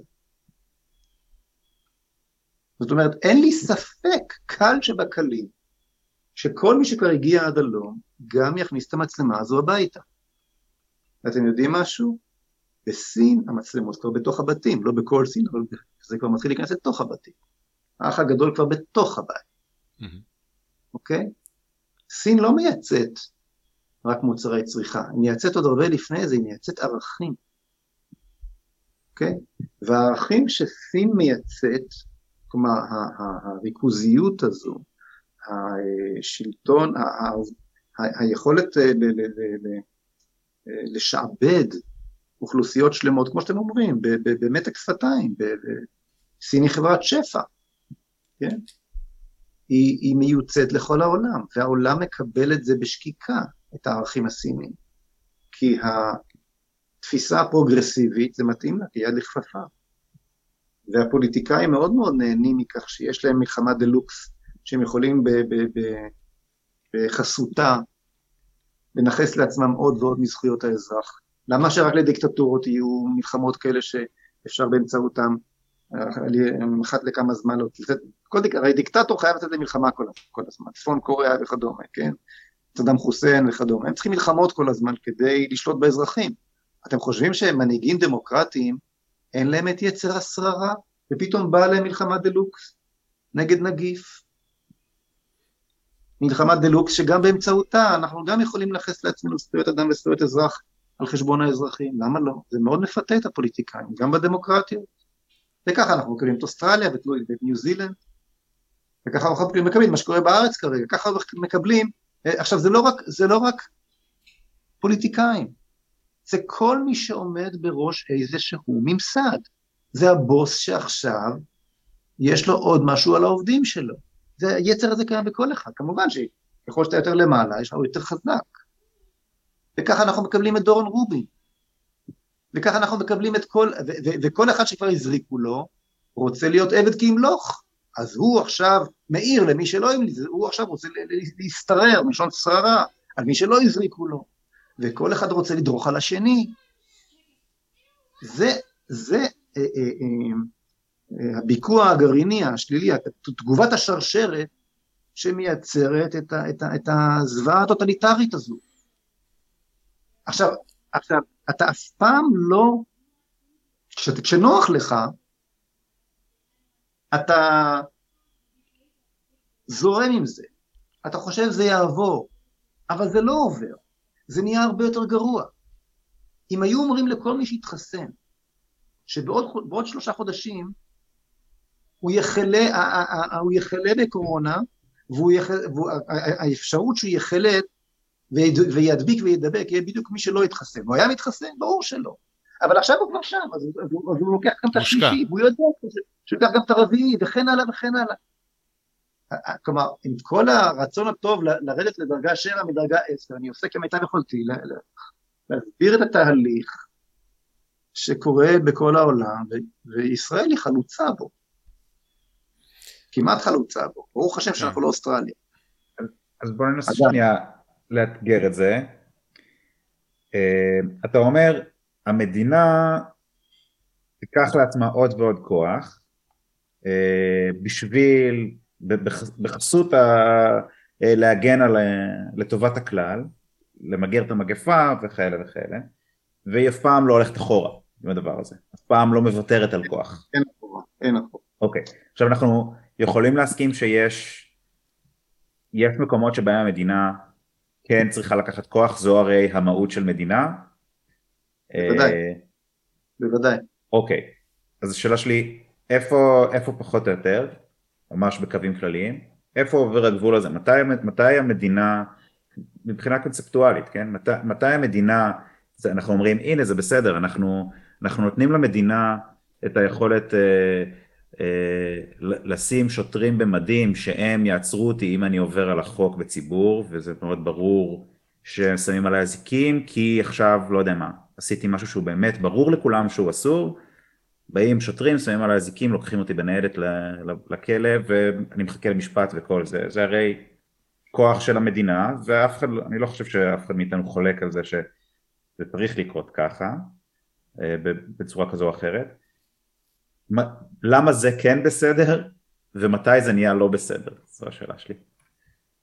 התשובה שכל מי שהתחיל ללמוד מדעי המדינה יגיד לך היא ביטחון. וזה נכון. כל הרעיון של המדינה הוא שהאזרחים מוותרים במודע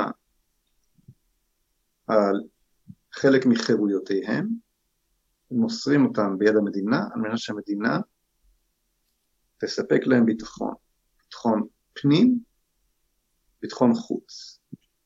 הרמב"ם מגדיר את זה במשפט מאוד פשוט, של מה תפקידו של המלך, של הממלכתיות. מלך עושה מלחמות ומשפט. זו המטרה. מלחמה נגד פשיעה, אנרכיה, בפנים, איום, איום על הביטחון שבאים בפנים, זה המשפט, ומלחמה נגד אויב חיצוני, מלחמות, חוץ. זה אכן תפקידה של, המשנה, של המדינה, וכאן יש לה את מלוא הזכות, בזהירות רבה, במידה המינימלית המתבקשת, לקחת לעצמה חלק מזכויות האדם. ולכן, מכיוון שזאת הפרצה, תמיד, תמיד,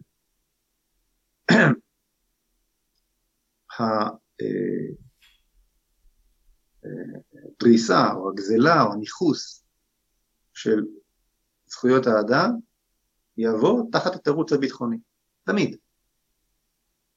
הוא אף פעם לא יבוא תחת התירוץ הערכי למשל. תמיד זה יהיה ביטחון. למה עשו לנו למשל את הדרכון הביומטרי? מה היה התירוץ? למנוע אה,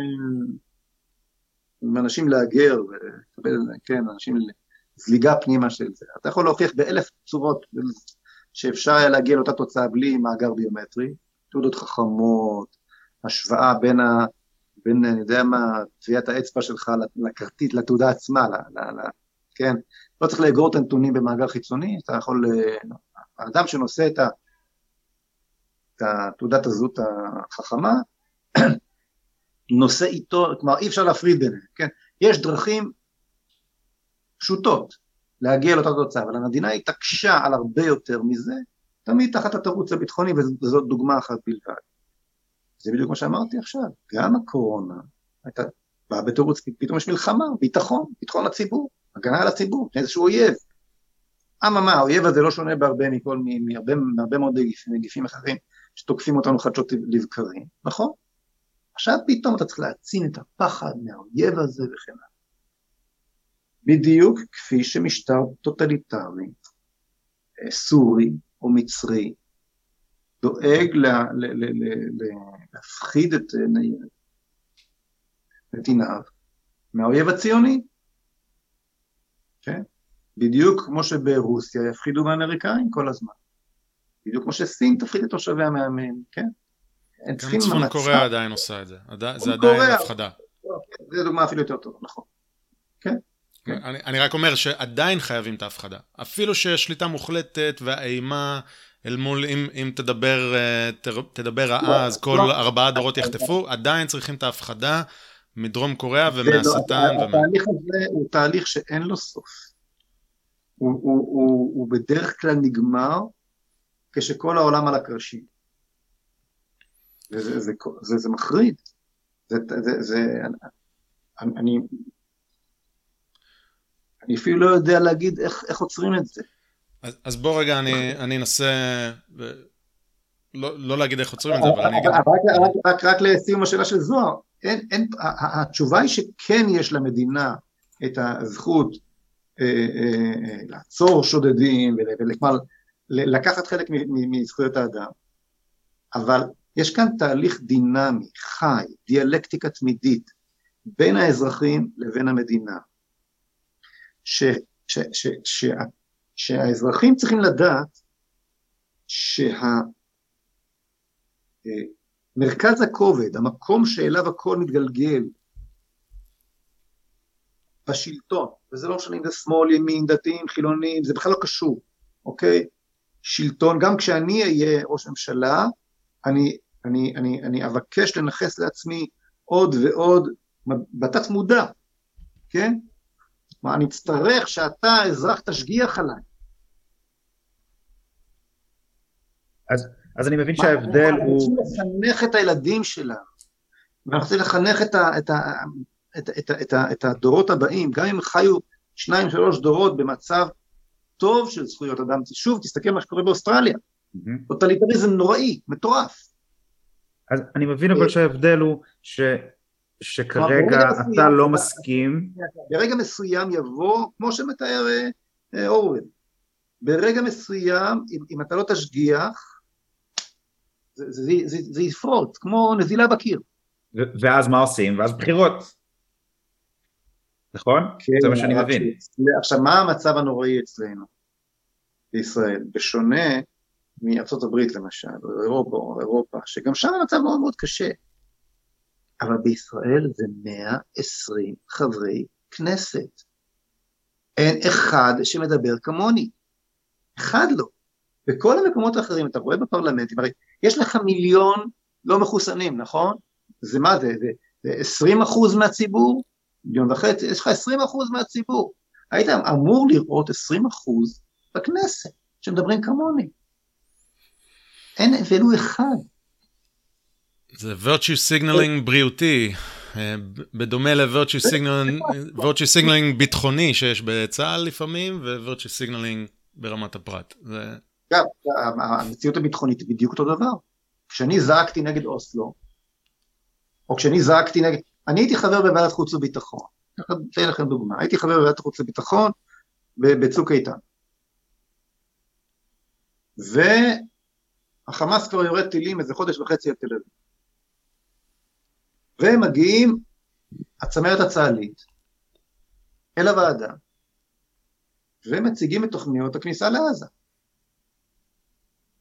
ואני הקטן, בסך הכל סרן במילואים. הגיעו לשם סגן הרמטכ"ל ו... מסתכל על, ה... על התוכניות, ואומר להם, חבר'ה, אני לא רואה כאן שום יעד, אני לא רואה כאן שום מטרה. אתם הולכים להפסיד, אתם תיכנסו ואתם תצאו עם כמה עשרות או מאות חלילה הרוגים, בלי להשיג שום יעד. ולא היה אחד במערכת הצבאית שאמר, שאמר לי שאתה צודק. ומה אתם חושבים קרה בסוף? נכנסו, יצאו, נהרגו 70 חיילים, והפסדנו. בדיוק כמו באוסלו, שכל ילד בכפר חב"ד, שיצא איתי לחסום כבישים, בלי שמץ של אלימות, עם ידיים קשורות, אוקיי?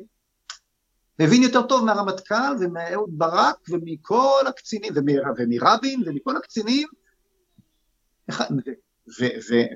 ואותו דבר בהתנתקות.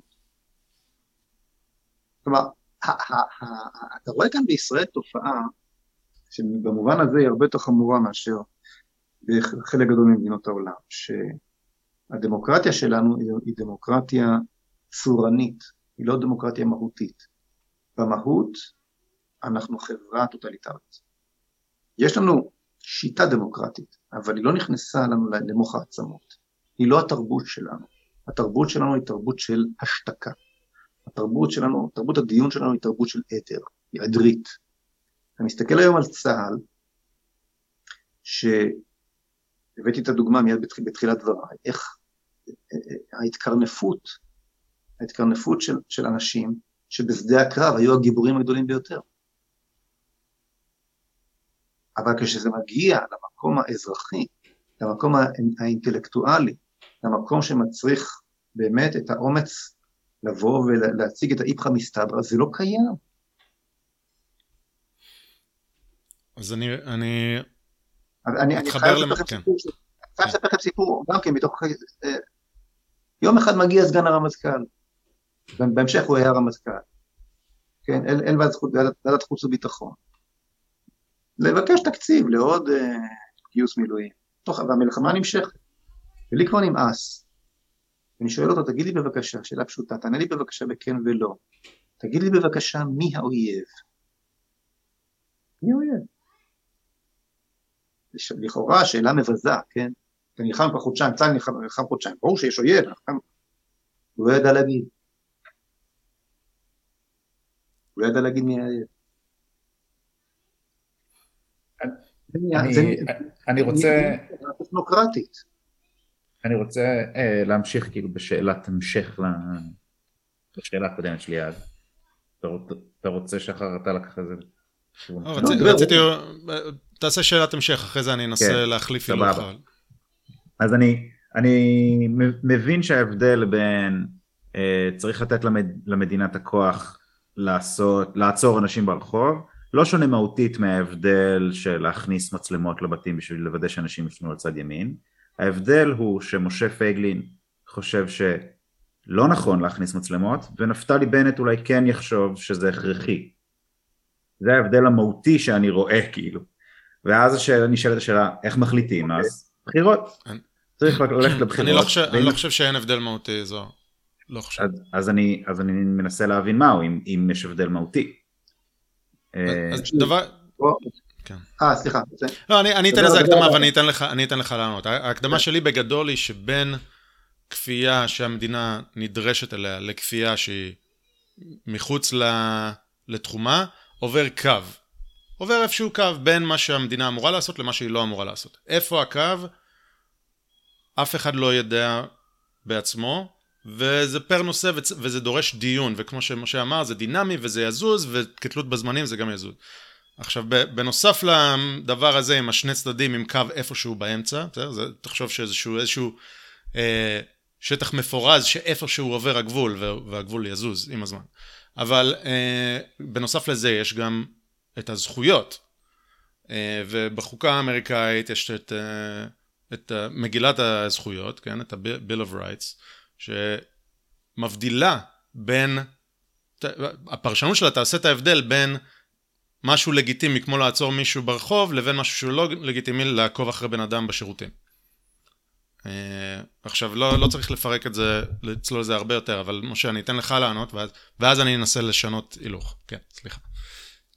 טוב, למקום שבו עובר הקו יש הגדרה של מילה אחת, ציות. הקו תמיד יידחף על ידי הממשלות, השלטונות, הריבון, עד למקום שבו האזרח יפסיק לציית. אתה תציית לו אה, אה, ותכניס מצלמות אל תוך חדרי השינה, בשלב הבא הוא יבקש לשים לך מצלמות בתוך הגוף.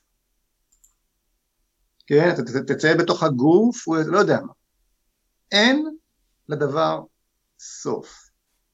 הדינמיקה הזו, הדיאלקטיקה הזו, כלומר, וזה נכון לגבי כל חוק, רוב החוקים בספר החוקים, לא רק הישראלי, בעיקר הישראלי, אלו חוקים מתים, אות, אות, אות מתה. אתה יוצא מהבית שלך לעבודה, נכנס למכונית, אין מצב, אין מצב שאתה לא עובר על חמישה חוקי תנועה. אין מצב. נשמע לך, ואם אתה לא הבנת מה שאמרתי עכשיו, תבדוק את מה שאמרתי עכשיו. כנס למכונית ותבדוק באמת, באמת, באמת, את ה, את ה, ברחל בתך הקטנה, אם לא עברת שום עבירת תנועה בדרך לעבודה באופן יומיומי. עברת, נכון? אז רגע, אתה עבריין? לא. אתה נמצא במקום שהמציאות עושה את שלה, וברור שלאיזשהו משהו בדרך אי אפשר לציית כי אחרת העולם יעמוד מלכת, כן? אז המשטרה מעלימה עין, אז זה, וככה העולם עובד. יש את המילה הכתובה ויש את ה-Bill of Rights ואת כל הדברים היפים, ויש את המציאות, ומה שקובע איזה חוק יהיה חי ואיזה חוק יהיה מת, או אפילו בלי חוק, מה תרשה שהשלטון יעשה לך, זה אך ורק הציאות. הדוגמה שאני תמיד נותן היא, היא, היא בעיניי היא הכי בולטת, מיד עולה, עולה לי בראש.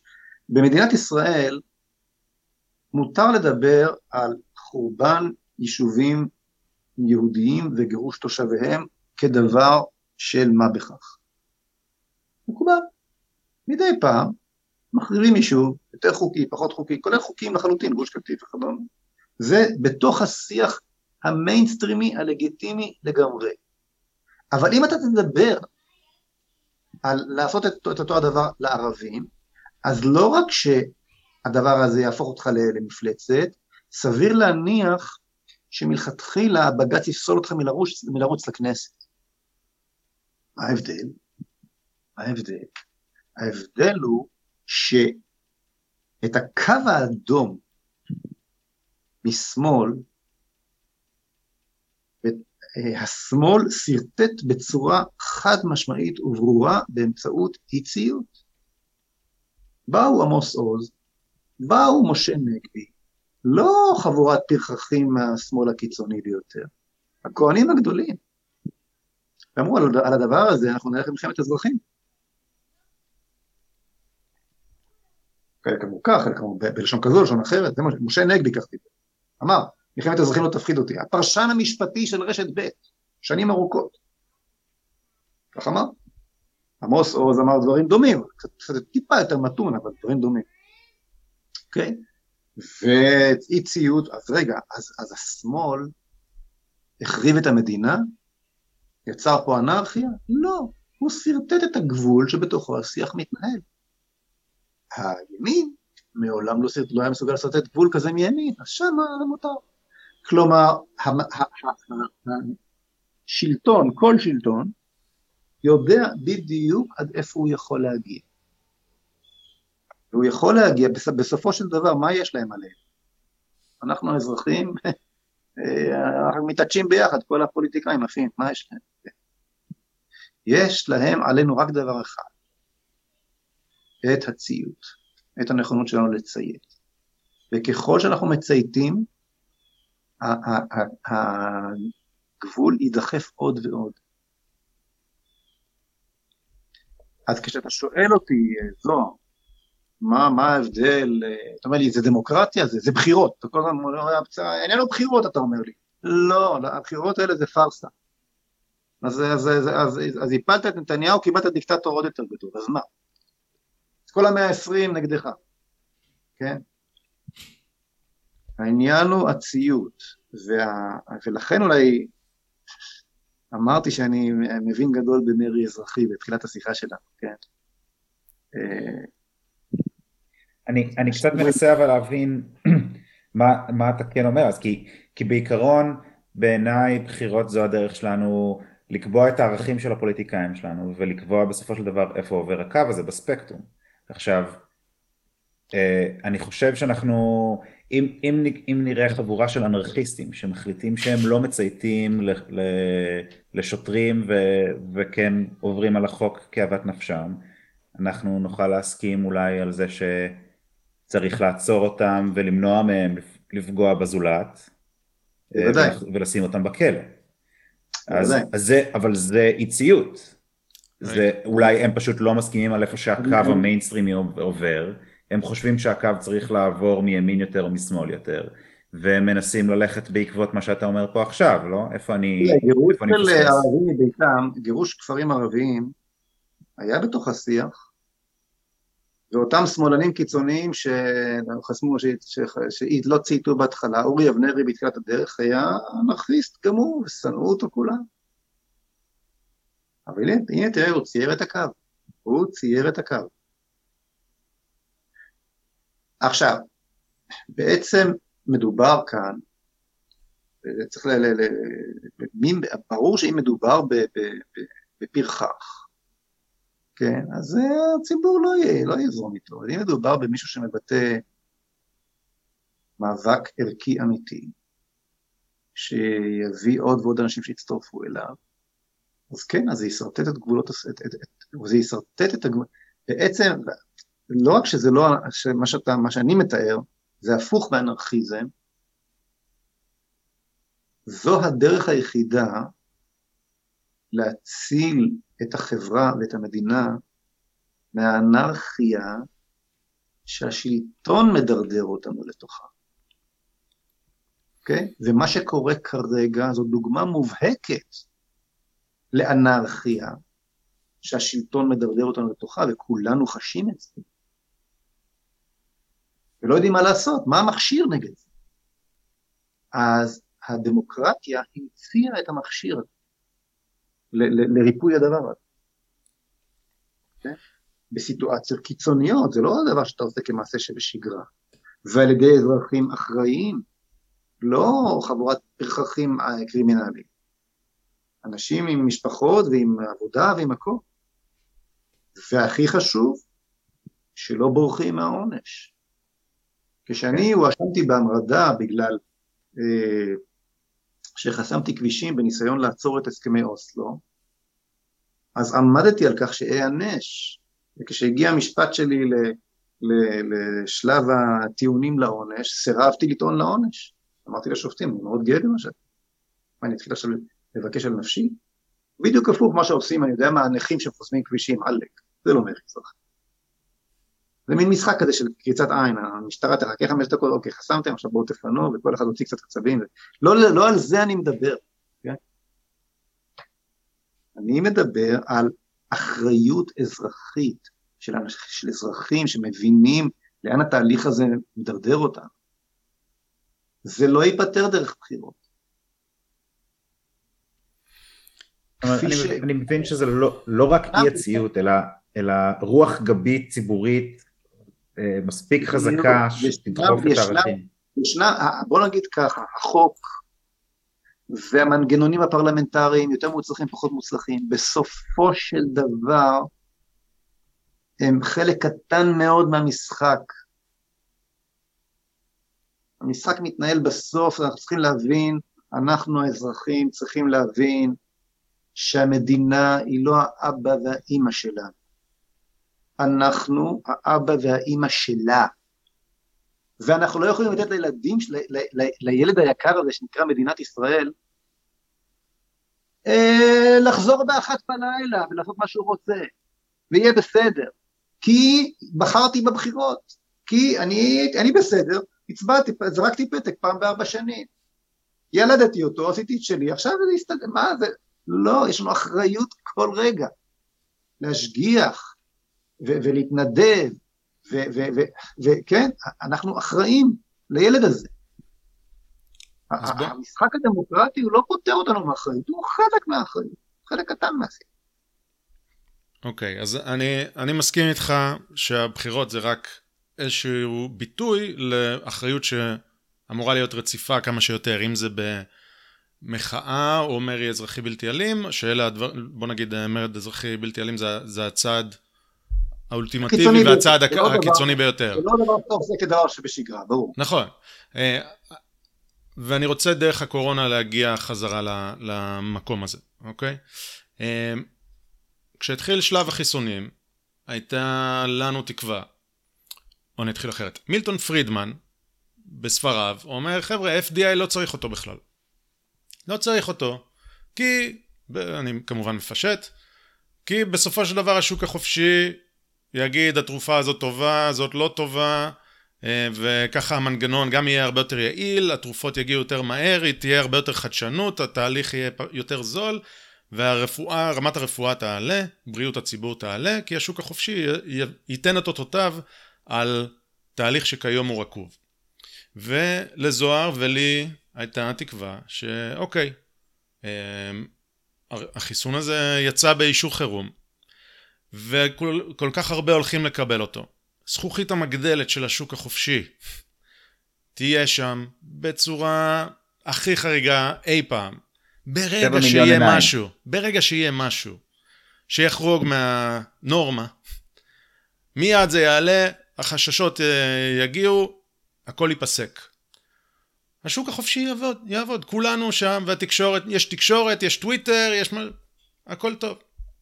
וכשזה, וכשזה לא קרה, ותופעות הלוואי המאוד מאוד מטרידות, שאפשר להתווכח, יש יותר, יש פחות, אבל אני לא חוויתי שום דבר כזה, אני, אני לא, לא קיבלתי את החיסון, אבל לא חוויתי שום דבר כזה על הקרובים אליי ועל סביבתי, ובאופן כללי המידע שזורם על תופעות הלוואי החריגות ביותר שיש מהדבר הזה, מושתק ומוחבא. אתה אומר, מה קורה פה? ובאיזשהו מקום אני אמרתי, היה לי אה, רגע של אה, משבר אמונה במרכאות. אמרתי, רגע, שוק חופשי, כישלון. כישלון שוק. ומאז חשבתי על זה הרבה, סליחה? לא, אמרתי שוק חופשי, שהשוק החופשי יווסת, יגיד, אנשים לא יגידו... לא אז רגע, אז רגע, אני מחזיר. אני מחזיר את זה, רגע, אני מתאר את התהליך שעבר עליי, אמרתי, רגע, היה אמור להיות פה תיקון. של השוק החופשי, כי אנשים, כי המידע זורם, ואנשים uh, שמים על זה עיניים, וכולם חוששים, ואמור היה להיות תיקון, ולא היה תיקון, היה הפוך. אמרתי, אוי ואבוי, אני צריך לבחון את תפיסת עולמי באופן כללי, כי זה היה אמור להיות וזה לא היה. ומאז קצת שיניתי את עמדתי, ואני, ואני אחבר אותנו חזרה לזו ארצנו עוד רגע. אמרתי, רגע, בעצם הבעיה פה שוב, ואולי אני קצת, אתה יודע, משלה את עצמי כי אני מאוהב בד... בעמדה שלי והכל, אבל הבעיה היא האישור של ה-FDA. הבעיה היא המדיניות של משרד הבריאות, כי אנשים אומרים, אפילו הם אומרים. מה, אתה לא סומך על ה-FDA? מה, אתה לא סומך על אה, משרד הבריאות? מה, הם מנסים לכולם, הם מנסים אה, ל- לגרום לך נזק? ובעצם זה outsourcing לאחריות שלך על עצמך. כי אפילו הם אמרו, וה, והשוק החופשי אפילו לא צריך אותו, כי אפילו הם אמרו. ולא היה פה שוק חופשי בגלל הסטמפה שהייתה מוצלחת או לא מוצלחת, אבל זה מה שקרה. ודבר מאוד דומה, יגידו כלכלנים אה, ואנשי מדעי החברה, קורה ברווחה. ברגע שיש מדיניות רווחה של מדינה, חבר'ה, זה תפקיד המדינה לדאוג לעניים. מה, אני עכשיו אה, זה? אני עכשיו אלך לאדום? איך המדינה, למה צריך שהעמותות יעשו את זה בכלל? המדינה הייתה אמורה לעשות את זה, אתם לא... השתגענו. ו... וכאן אני אחבר אותנו לאזור ארצנו. אה, לי זה אה, עלה בצורה כל כך חדה ומטלטלת. אה, אני, אני אתן, אתן עוד איזה רקע קטן ואז אני אטלטל, או אסביר את הטלטול שהיה אצלי. אנחנו עוקבים זמן רב, זוהר ואני, אחרי הטרללת הפרוגרסיבית שפוגעת בעולם המערבי והעולם המערבי דובר האנגלית בפרט. ויש לנו פרקים שהם די אהובים, ואני מקווה שבקרוב נוציא עוד אחד, מצעד הטרללת, שבהם אנחנו מראים איך לא יש מקרי קצה, איך המיינסטרים מאמץ את הקצה. המיינסטרים כן. מאמץ את הטרללת, ובגדול אנחנו לא אופטימיים. אבל אני הבעתי פה, ו... ובאמת האמנתי לזה, והיום אני בספקות, הבעתי פה את האמונה שבישראל הטרללת הזאת יש לישראל הגנה ממנה. בגלל הציניקניות שקודם ביקרתי, הציניות הישראלית לא תאפשר לנו באמת להגיד אה, אנשים מולידים במקום אמהות, אוקיי? יש לנו ציניות כזה, אנחנו לא... זה מין מנגנון הגנה, אי ציותי כזה של אה, וואלה, המאכריות הישראליות, היא תציל אותנו מה, מהגל הזה, מהצונאמי הפרוגרסיבי הזה. אה, וזה שיש לנו מאבק לאומי, אנחנו נגדם, זה יאגד אותנו. אנחנו לא חיים בדקדנס הזה, כן? בהתנוונות של עולם חדש מופלא, אנחנו מדי פעם צריכים להתעסק בחייל שנהרג בגבול הרצועה.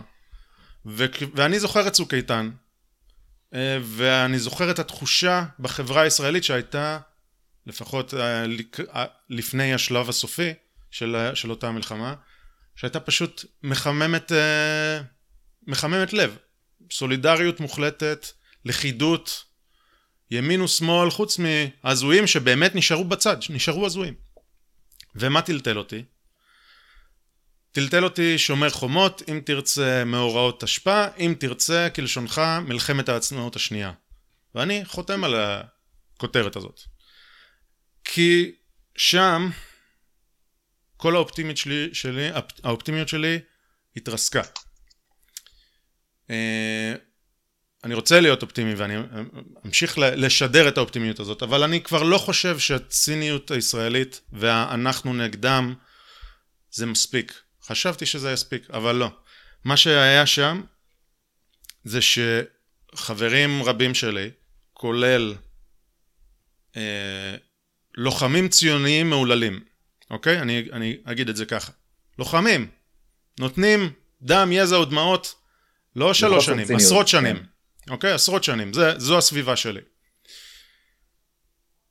ואותם אנשים שאני, אמנם אה, אמרתי לך בהקדמה, אני היום מניו יורק, בקרוב אני אחזור, אה, אני חוזר לישראל, אני אמרתי חברים, אני, קל לכתוב מרחוק, אבל כתבתי לקבוצה, קל לכתוב מרחוק, אני מבטיח שאם הייתי בארץ הייתי כותב אותו דבר.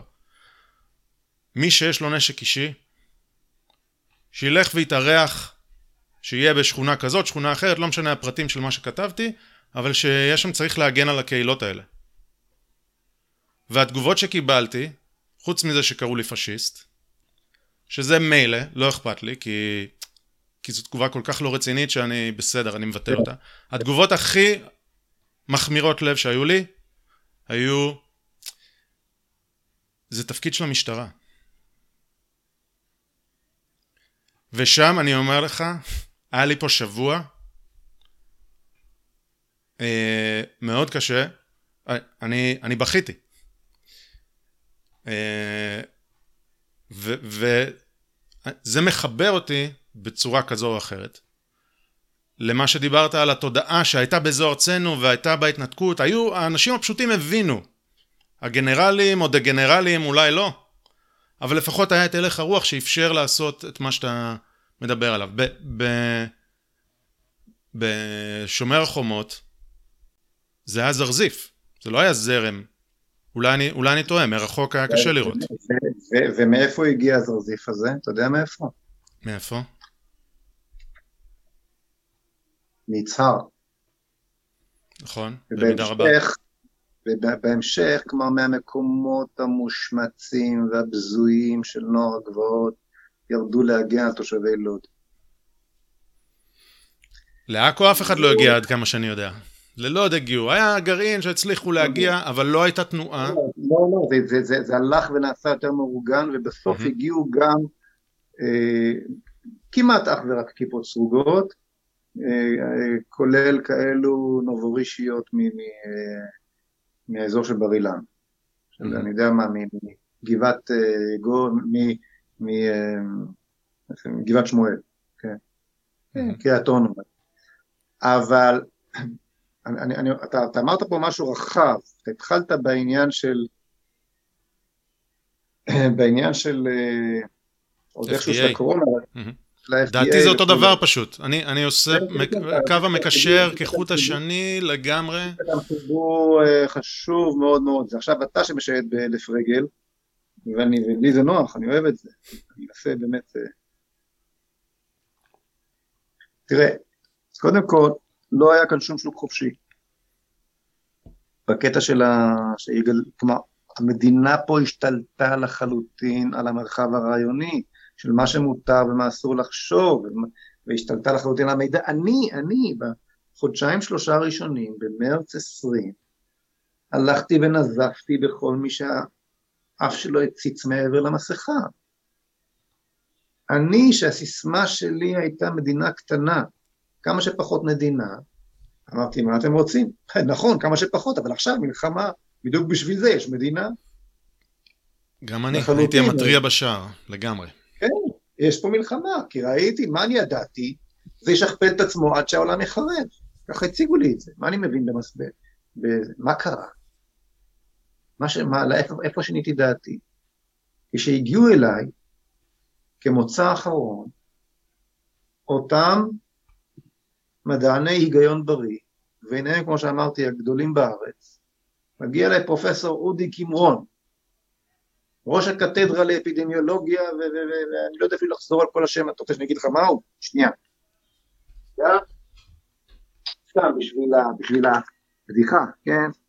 אה, אה, פרופסור אודי קימרון, ראש החוג לאימונולוגיה ומיקרוביולוגיה קלינית באוניברסיטת תל אביב, מתמחה בתאי T, חיסונים רירניים, הנדסה גנטית, נגיפים חיידקיים, ופרסם מאמרים בעיתוני היוקרה, סיים, זה מחקרים, והפרופסור הכי צעיר בישראל. צריך להיות כרטיס כניסה לאיזה תוכנית בוקר לפחות. כוכב עולה בעולם המדעי העולמי והפרופסור הכי צעיר בישראל, אוקיי? עזבו את הזקנים, את בנטוויץ', שהוא חלוץ הטיפול באייט, ואת צ'חנובר, שיש לו כבר מגיעים אליך אנשים כאלה ואומרים, כל הדלתות נטרקות בפניהם, גם, גם בתקשורת, גם, גם בפוליטיקה. אתה האחרון שעוד מסוגל אולי לייצר איזשהו איום שם על הפוליטי, לפוליטיקה וזה. ואני, דוח, ואני דוחה אותם, דוחה אותם, דוחה, אומר להם, חבר'ה, אני בשלב ההוא הייתי בהסכם עם ביבי כבר, לא, לא היה לי עניין, ממש לא היה לי עניין. גם היום אין לי עניין, אגב.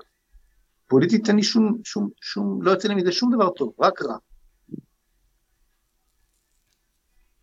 ואני אומר להם, מה אתם רוצים מראש הממשלה?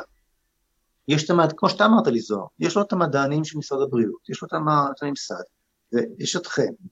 מדינה זה לא סירת מרוץ, זה נושאת מטוסים ענקית, אתה מחליט על כיוון, אתה חייב להתמיד בו. אז בסדר, אתם חושבים אחרת. אחרי שלוש שעות של דיונים, אני מתחיל לקלוט ש... שהסיפור פה הוא אחר. שאין מדע נחרץ וחד משמעי בצד הזה. להפך, המידע הנחרץ וחד משמעי הוא פה. הרי, הרי, הרי, הרי, הרי, הרי לכולנו יש את הקופסה האפורה הזאת, כן? את, את המוח, את, את יכולת הבחירה בין טוב לרע, את הבינה שנתן לנו הקדוש ברוך הוא. ואנחנו אמורים להשתמש בה. אז, אז אחרי כמה זמן, גם אם אתה לא מומחה, אתה רואה איפה, איפה ההיגיון נמצא. Okay? וברגע, ואני גם כתבתי את זה בספר הראשון שלי בעקבות uh, אוסלו, מה גרם לי פתאום לחסום כבישים באוסלו? הרי כל המומחים וכל הגדולים וכל הזה אה, אמרו שזה תהליך נכון וזה, מה קרה? כשהבנתי אז באוסלו שמה שאני רואה, כן, שלהביא לכאן את ארגון הטרור של אש"ף ולתת לו מדינה בפאתי פתח תקווה וכפר סבא,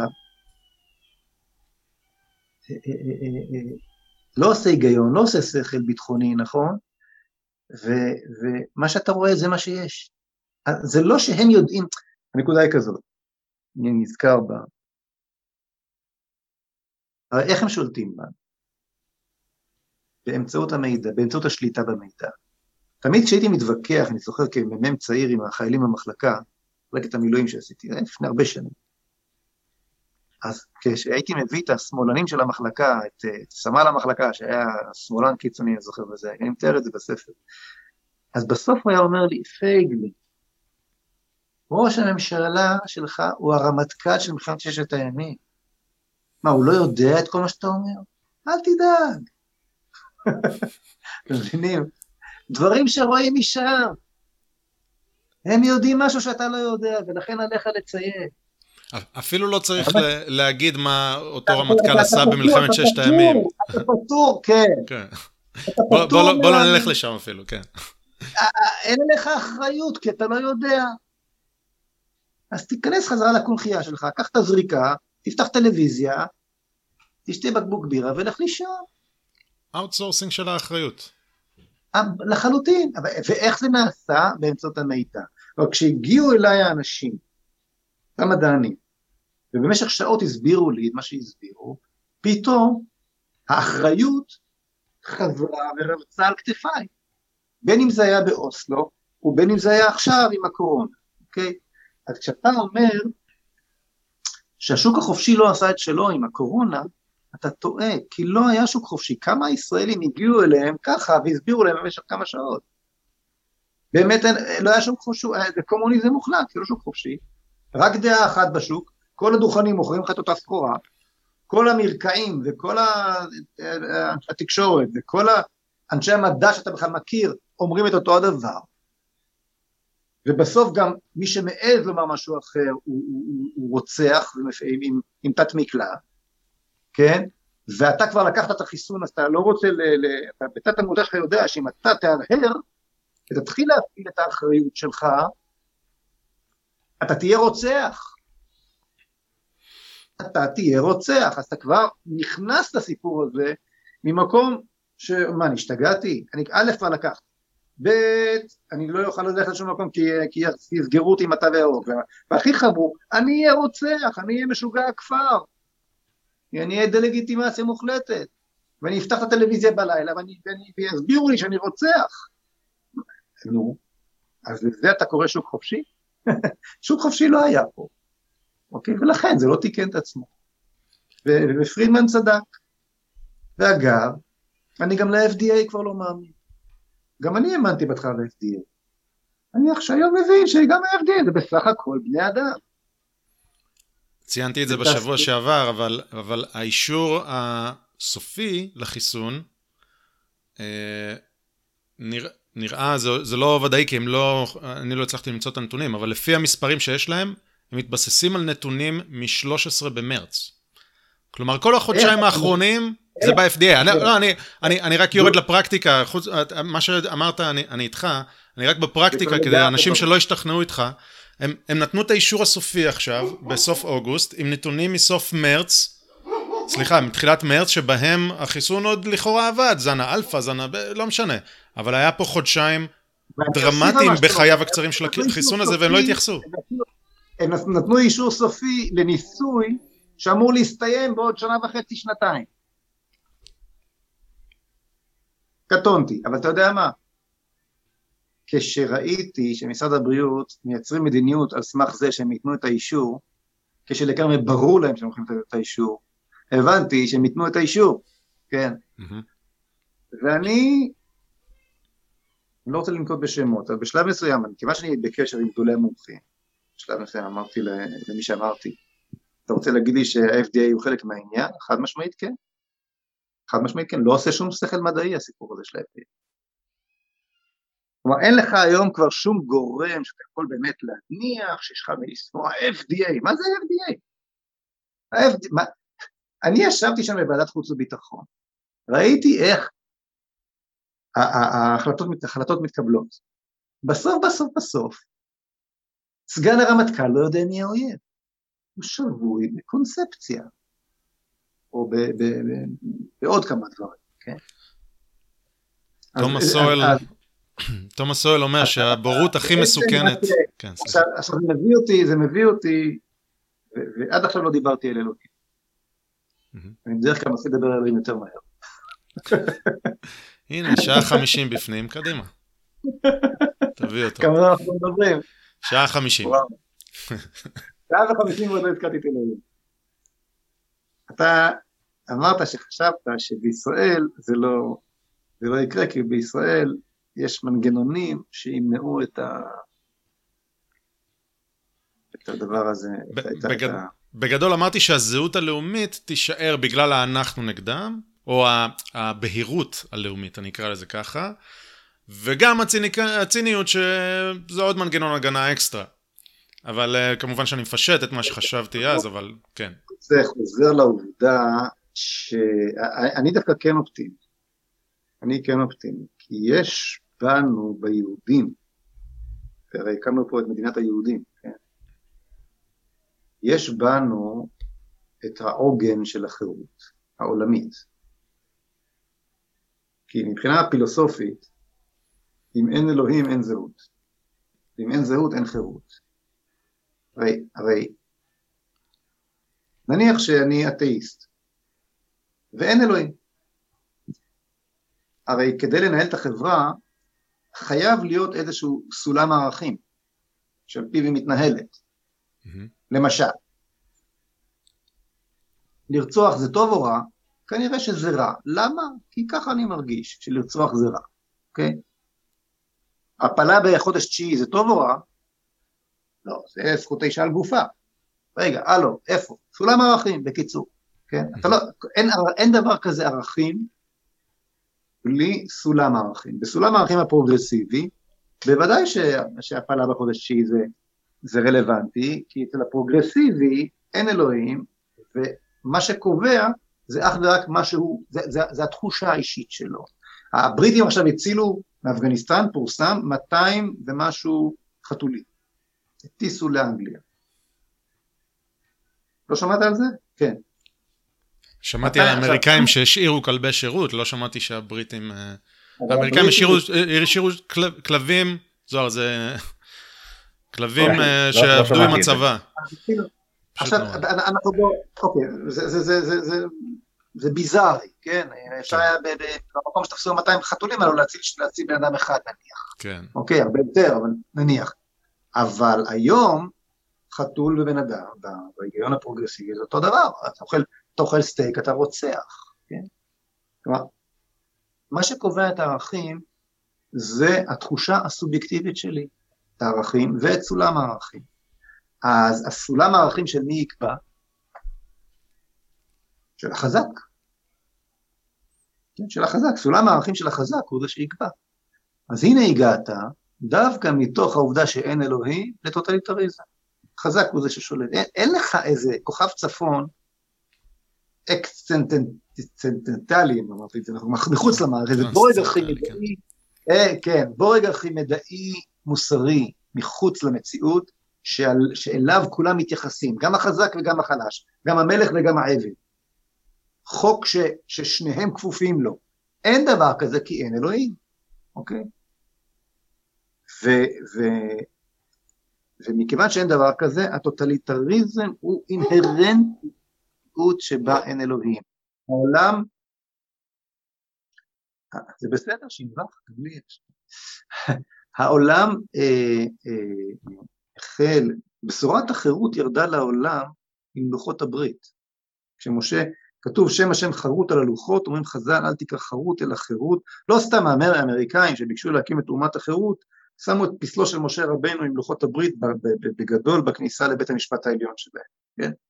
יש, הם, הם הבינו שהיסוד הזה של חוק שמימי, שאליו כולם כפופים, גם המלך וגם העבד, הוא היסוד של החירות, של חירות האדם. זה לא יכול לבוא מתוך התבונה, כמו שניסתה להגיד במהפכה הצרפתית, והובילה כמובן להרמה של גולגלות. או כמו שניסה, ניסה, כן, ניסה קומוניזם להגיד, נייצר שוויון. כן. זה, זה רק משם יכול לבוא. ומכיוון שאנחנו, ואני חוזר למה שאמרתי, מכיוון שאנחנו מדינה יהודית, ומכיוון שהאמונה באלוהים היא עדיין חזקה מאוד אצל רובם הגדול של האזרחים. זה נותן לי אופטימיות, שהחירות תגבר בסופו של דבר. אוקיי. Okay. אה, כן. זו אופטימיות, אופטימיות uh, טובה. אגב, אני uh, מכריח את עצמי ל, ל, ל, לנטוש את הפסימיות שפשטה בי באיפשהו במאי. אה, וכן להיות אופטימי וכן להתוות את הדרך הארוכה קדימה, זה לא שאני פסימי, אבל הרבה יותר קשה להיות אופטימי. אני כן, אני כן מנסה לראות אופטימיות הזאת. אבל, אבל עכשיו בואו נדבר על מה שאמרת עכשיו, אה, מה שאמרת הרגע. אה, אישית, וזוהר, אני אדבר גם בשמך, ואתה תתקן אותי אם משהו השתנה, אבל שנינו לא מאמינים ב- באלוהים. עכשיו, אני לא אגיד שאני אתאיסט, כי אני אומר שאני קצת ענב, לא יודע. לא יודע מה יהיה. אני גם לא יודע שאלוהים אמר לי לעשות א', ב', ג', תרי"ג מצוות. אה, אני אה, משאיר את זה פתוח. אני בהחלט רואה את התועלת של האמונה באלוהים. יש לזה תועלת מהותית לניהול חברה, אוקיי? או ניהול זאת המילה שלא רציתי להשתמש בה, אבל יצא לי. לקיומה של החברה, כן? להימנע מהטוטליטריות שאתה אומר. סליחה? כן. כן, כן, כן קיום זה תהליך. כן. אמ, ואני רואה את זה, ובאיזשהו מקום אני אומר, בוא, שמע, אולי, הלוואי והייתי מאמין, אולי זה היה יכול להיות יותר נוח. אבל, אבל אני לא. ואני רוצה לאתגר את מה שאתה אומר, שבעצם חייבים את העוגן הזה של סולם הערכים שמגיע ממקום חיצוני. אה, ואני אומר, אולי לא בהכרח, אולי... סליחה, אולי זה משהו, גורם חיצוני, אבל לא האלוהים. משהו טבעי שטבוע בך בגנטיקה שלך, כלומר, אה, היצר הישרדות שלך, הוא טבוע בך. האם זה מאלוהים או ממשהו אחר? לא יודע. אבל אני אנסה לעשות איזושהי השוואה שתגיד לי אולי לא נכונה. מתמטיקה זה לא, לא, ש... לא אה, כמו אה, ניהול, אה, קיום חברה, אבל מתמטיקה עומדת על כרעי תרנגולת. או עומדת על אקסיומות. אקסיומות שאף אחד לא יכול להוכיח. אבל פשוט החלטנו או הבנו שזה חייב להיות זה, אחרת שום דבר לא יקרה. ואני יכול להגיד ששני קווים מקבילים לא נפגשים, לפחות בעולם דו-ממדי, זה משול לזה שזה לא טוב לרצוח, כן? ועוד כן. אינסוף אקסיומות שהמתמטיקה בנויה עליהן מהיסוד. אבל שאי אפשר להוכיח, זה טבוע בנו, אם תרצה, מאלוהים במתמטיקה. אבל זה לא חייב להיות מאלוהים. אז, אז אולי זה מסבך את מה שאתה אומר פה, אולי תגיד לי שלא, אולי, ואולי ההשוואה בכלל לא טובה. לא, זה לא מסבך. זה לא מסבך okay. אוקיי. בכלל. אוקיי. Okay. תראה, כתוב, והאלוהים עשה את האדם ישר. אוקיי? Okay? מצד שני כתוב, יצר אדם רע מנעוריו, גם זה כתוב. אבל בכל אופן, ברור שיש לאדם איזשהו מצפן, מצפן מוסרי פנימי כלשהו. זה כמו האייפון, כשאתה קונה אותו, או האנדרואיד, לא משנה. יש שם בטריה שהיא מסוגלת לעבוד קצת. פרק זמן קצר זה יעבוד לך אחרי שתתאים, כן? כן? אחר כך זה ייעלם. הדבר הזה שיש באדם, נקרא לזה המוסר הפנימי או המוסר הטבעי, אני מקבל שהוא קיים, מקבל שהוא קיים, קשה, קשה להתכחש לזה. גם הדיקטטור הכי גדול מנסה לנשק ילדים בתמונות פרסומת שלו. אה, הדבר הזה הוכיח את עצמו תמיד כד, כ, כדבר שלא יכול לעמוד לבד. הוא תמיד אה, נופל בדרך. איפה הוא מקבל את החשיבות שלו? כשהוא פוגש סולם ערכים אה, מבחוץ. סולם ערכים חברתי מבחוץ. כשהם נפגשים זה עובד. לבד זה לא עומד. היטלר, יימח שמו וזכרו, הסביר בנאום ששמתי אצלי באתר בישראל מחר, שלא ראית אותו במערכת החינוך הישראלית ולא בשום מקום אחר, אוקיי? לא, לא, בשום, לא, לא, לא, בשום, לא, לא בשום מקום ישראלי רשמי אחר. הוא הסביר ככה, הוא הסביר ככה. Uh, היהודים, מה הסכנה של היהודים? למה הם האויב הכי גדול שלי היהודים? כי היהודים הביאו לעולם את המוסר, הם המציאו את המוסר. אני גזע דרוויניסטי עליון. הוא דיבר בשם המדע, אוקיי? הוא השליך את, את תורתו של דרווין על הגזע האנושי. הגזע העליון, כמו הסוס הכי משובח, הכי גזעי, זה הגזע הארי, הגזע הגרמני. ו, וחוק הטבע הוא שאני צריך להתפתח ולשבח את הגזע, וזה ככה טבע עובד. ככה הטבע הפראי האצילי עובד. ואז בא, באים פתאום היהודים האלה, ומספרים לי על עשרת הדיברות. עשרת הדיברות, זה, זה ציטוט מהזיכרון, אני אשלח לכם את זה. עשרת הדיברות הם המצאה יהודית. עכשיו, הבן אדם שכנע את עמו שהוא היה העם הכי רציונלי, מתורבת, אה, אינטליגנטי ואקדמי, אקדמי, מלומד, באירופה, באמירה הזאת, אוקיי? כך ש... ועם הדבר הזה הם יצאו לנוראה במלחמ... במלחמות שידעה האנושות. וכמה נהרגו שם? 50 מיליון? יש אומרים 60? 60, 60 ומשהו, כן. 62 כן. נראה לי. לא, לא, היה, לא, לא, לא, לא היה כדבר הזה, כן? אז, אז הנה התשובה, הנה התשובה למה שאתה אומר, זה לא עובד. זה לא עובד. ובארצות הברית, בארצות הברית של שנות ה-30, השמידו ילדים, אה, השמידו ילדים, אה, אה, ילדים מפגרים, כן? שכלם, בשם אותם רעיון, בשם אותו רעיון בדיוק. ובשוודיה ובמדינות אירופה, המערבית, שנות ה-30 זה היה מקובל. סירסו uh, מפגרים, נכון? אה, או... עשו... ש... שאגב, זה okay. כן. מפתיע איך שוודיה התנהלה עם הקורונה, דווקא שוודיה, אני ציפיתי שתהיה ראשונת הדיקטטורות, אבל להפך. שוודיה ויפן, אגב, זה מעניין. כן.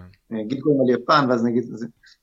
למה יפן, גם כן, שום סגר, שום דבר, המדינה הכי צפופה בעולם, זה 120 מיליון תושבים, בצפיפות הכי גדולה בעולם, שום סגר, שום דבר.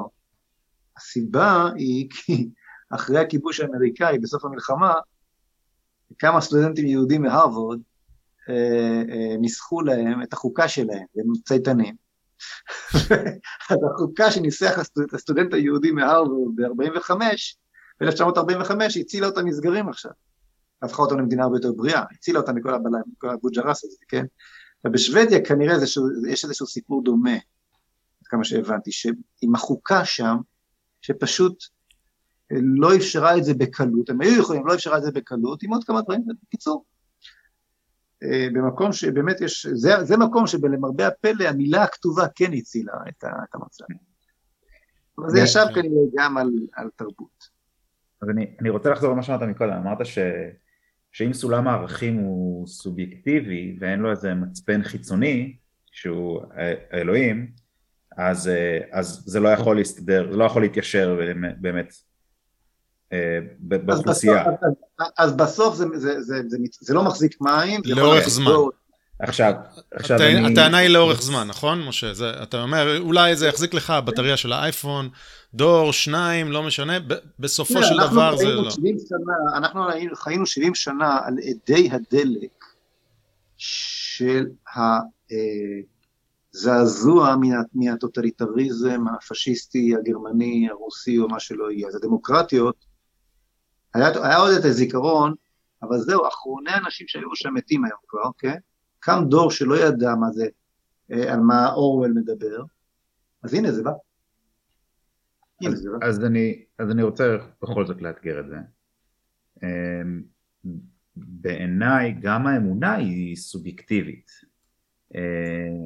וכל אחד יכול לקחת לו את המצפן החיצוני הזה שהוא אלוהים והוא מכוון למקום אחר, לדוגמה להבדיל, להבדיל להבדיל, אבל דאעש טוענים שהם עושים את מה שהם עושים בגלל איזשהו מצפן, מצפן חיצוני שמכווין אותם בדרך הנכונה והצודקת של בלה בלה בלה. אה, בעיניי אין ספק שהם טועים, אבל הם יכולים לטעון טענות דומות. אני, מה אני מפספס פה? לא מפספס כלום. גם הדת היא סכנה גדולה. וגם מלחמות הדת הביאו הרבה מאוד הרוגים. כמובן, לא מתקרב בכלל אה, לערימות הגולגלות שהביאו אה, מלחמות העת החדשה והנאורות, המלחמות של האתאיזם, כן, הרי הרי הנאורות דחקה, כן, מהמהפכה הצרפתית פחות או יותר הנאורות דחקה את, ה, את, ה, את הדת אל, אל שערי הכנסייה וכולי וכולי, ויצרה אה, זהות נבדלת מן הזהות הדתית, אתה יכול להיות מוסלמי, נוצרי, אה, בודהיסטי, מה שלא יהיה, כולך, הזהות הלאומית נקפאת על פי הטריטוריה, כולך, כולם צרפתים, כולם אמריקאים וכן הלאה. זה, זה לא אמת, כי בסוף הדת, כן, הדת כן מייצרת התרבות השלטת, אבל לכאורה זה הרעיון, הזהויות הלאומיות החילוניות יצרו לעצמן דתות משלהן, ארבע דתות. הדמוקרטיה, הקומוניזם, הפשיזם והנאציזם, אלו הדתות של הנאורות, כלומר אה, אה, אה, אידיאולוגיות שמייצרות סולם ערכים שאמור לייצר משמעות במקום הדת, אוקיי?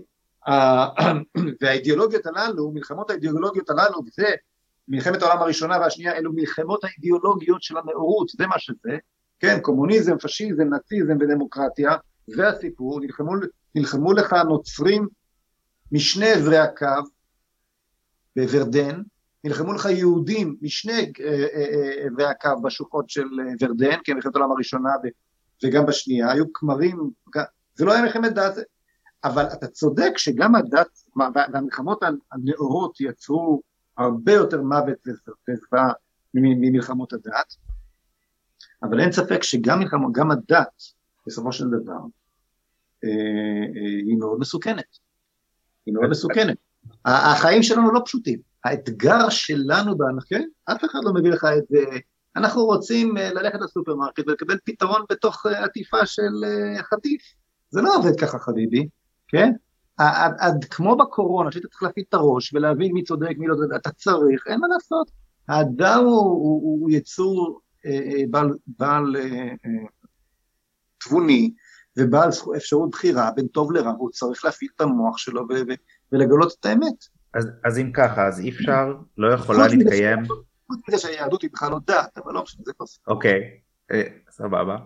אבל אני, אם ככה, השאלה הבאה שלי האם אז לא יכולה להתקיים דת, במרכאות דת, או כמו שתיארת עכשיו קומוניזם אה, וכאלה, דת שהיא דת ליברלית, ללא אלוהים כמצפן, אבל כן היא מבוססת על ערכים יהודיים אולי, או מאוד אה, נשענת על זה. אה, אבל... אתה מדבר על שמרנות. בוא נהיה שמרני. כן, זה הולך היום, אתה יודע... אתה חושב שיש פה התנגשות אבל? זה לא יכול להתקיים לאורך זמן? אתה יודע מה ההבדל בין הפרוגרסיבי לשמרן? מה ההבדל? תראה, הפרוגרסיבי אומר אין אלוהים, ואני מחליף אותו. השמרן אומר יש אלוהים, הוא עובד אצלי. אתה מבין? מה אומר השמרן? עכשיו פרוגרסיבי, אני לא צריך להגיד לכם, אתם אה, עשיתם על זה כמה תוכניות כנראה, אתם מבינים את הנלעגות של העניין הזה, כן. הפרוגרסיבי מנסה לעבור בנעליו של אלוהים ברמה כזאת שהוא מנסה לתכנן את מזג האוויר, הוא מנסה, הוא מנסה להציל את העולם מנגיפים, את, הבי... את הביולוגיה, כן. במקום לתת להם באופן טבעי, כמו שאומרים המדענים האמיתיים, הרציניים, הוא לא, לא, לא, הוא חייב לחבור לנגיפים בעצמו, להתגבר, כי הוא מנסה לבוא בנעליו של אלוהים, כן? אז זה הפרוגרסיבי.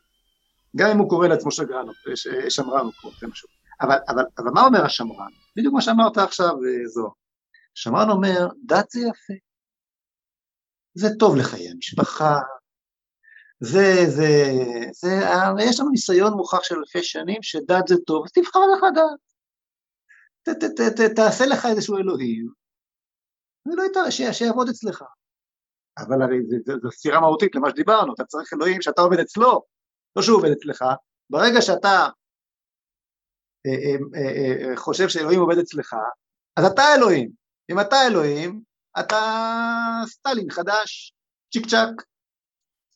רוצים דוגמה? כן. ראיינתם אחד כזה. הקפיצה הלוגית בסוף שם הייתה לי קצת קשה, אז כן. ראיינתם שמרן כזה. לא אחזור, לא, לא אחזור שוב על שמו, אבל זה בדיוק הסיפור. אוקיי, אז אני... יכול להיות שאתה נותן פה... בקיצור, חברים, לא יעזור, לא יעזור. אין לאן לברוח. אין לאן לברוח. ואגב, ואגב, המחלה הזאת של לחשוב שאלוהים עובד אצלך, היא גם המחלה של רוב הדתיים. לפעמים היא גם המחלה שלי. ו-it's very tricky, כמו שאומרים. זה, זה, זה, זה, אתה מבין מה, מה אני מתכוון? להיות מחויב באמת למשהו ש, ש, שאתה עובד אצלו, לא הוא עובד אצלך. לעשרת הדיברות. כן, כן, כי, כי זהו, לא, כן, אבל עכשיו אני מחליט ש... כן, okay. אוקיי. ככה, ככה אני פועל, אני חייב להגיד. יש לך אלוהים? אה, נכון, אבל, אבל אני חושב שכן מינקות, באמת מינקות, ולאורך כל, הש, כל החיים שלי, אה, אני, אני פועל ו, וגדלתי על, על אותו סט ערכים, שאני חושב שאני אמשיך לקחת אותו אה, איתי לכל החיים, וצריך לקרות הרבה מאוד בשביל שאני אשנה את, את סולם הערכים שלי בצורה דרסטית.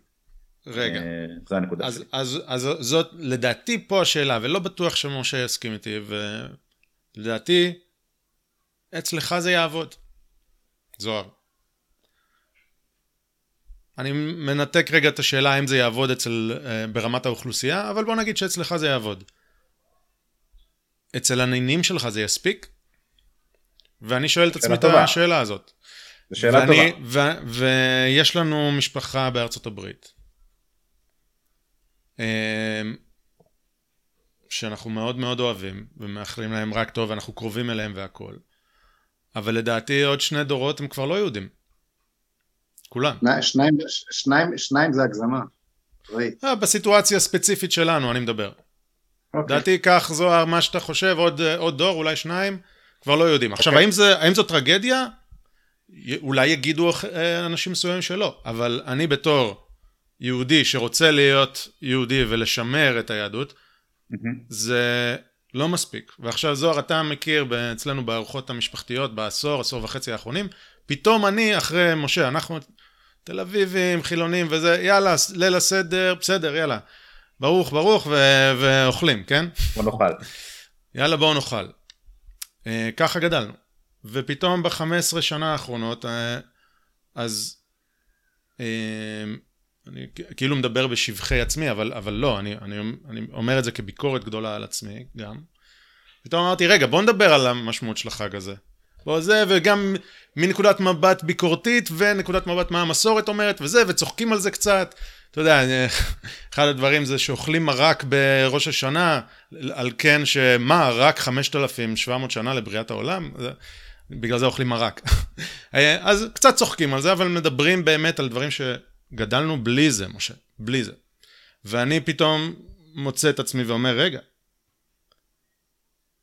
אני לא יודע, אני מרגיש זן, זן חדש של יהודי, היהודי הישראלי, ואני אחזיק בזה, ואני אשאר יהודי, ואני הכל והכל. זהות לאומית, כן? אבל אני כבר לא יודע שהנכדים שלי יהיו באותו מקום. אני כבר לא יודע. ואני רואה מישהו כמו עמיחי שיקלי, שעד כמה שאני יודע, לא דיברנו איתו מעולם, נראה לי שהוא חילוני. אבל אני מקנא. אני מקנא כי הוא יודע הרבה יותר ממני, והוא יודע להסביר את, ה... את המסורת ולמה זה חשוב, ו... וקרא דפי גמרא, תאמין לי שאני... אם הייתי קורא יותר מהר, הייתי מתחיל ל... להיכנס לדברים האלה, אבל אני נרדם, מה אני אעשה? לא, לא רק בגמרא, באופן כללי, אני לא יכול לקרוא. אה, ואני מקנא במישהו כמו עמיחי שיקלי, ש... שיש לו את זה. אני, אני מרגיש בטוח מאוד לגבי נכדיו של עמיחי שיקלי. ולגבי הנכדים שלי, יש לי הרבה עבודה לעשות. ואגב, אני, אני אופטימי שאני אצליח לעשות אותה. אבל זוהר, אתה מרגיש בטוח לגבי נכדיך? אני לא יודע. אני, אני מתאר את עצמי. אז, אז וניניך. לפני שאני אתן למשה זה, אז זה מצחיק, כי בדיוק אתמול דיברתי על הנושא הזה בדיוק עם אשתי, אה, ודיברנו על, ה, על החשיבות של החגים, אנחנו עכשיו אה, מתקרבים לחגים, אז הסברתי למה אני חושב שזה קריטי והכרחי, ש...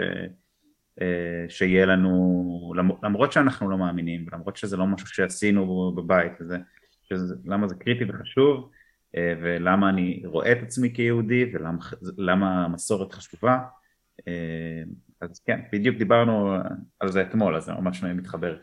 עכשיו כל זה משה לתגובתך, זוהר רואה ואני רואה כחילוני, כמישהו שלא מאמין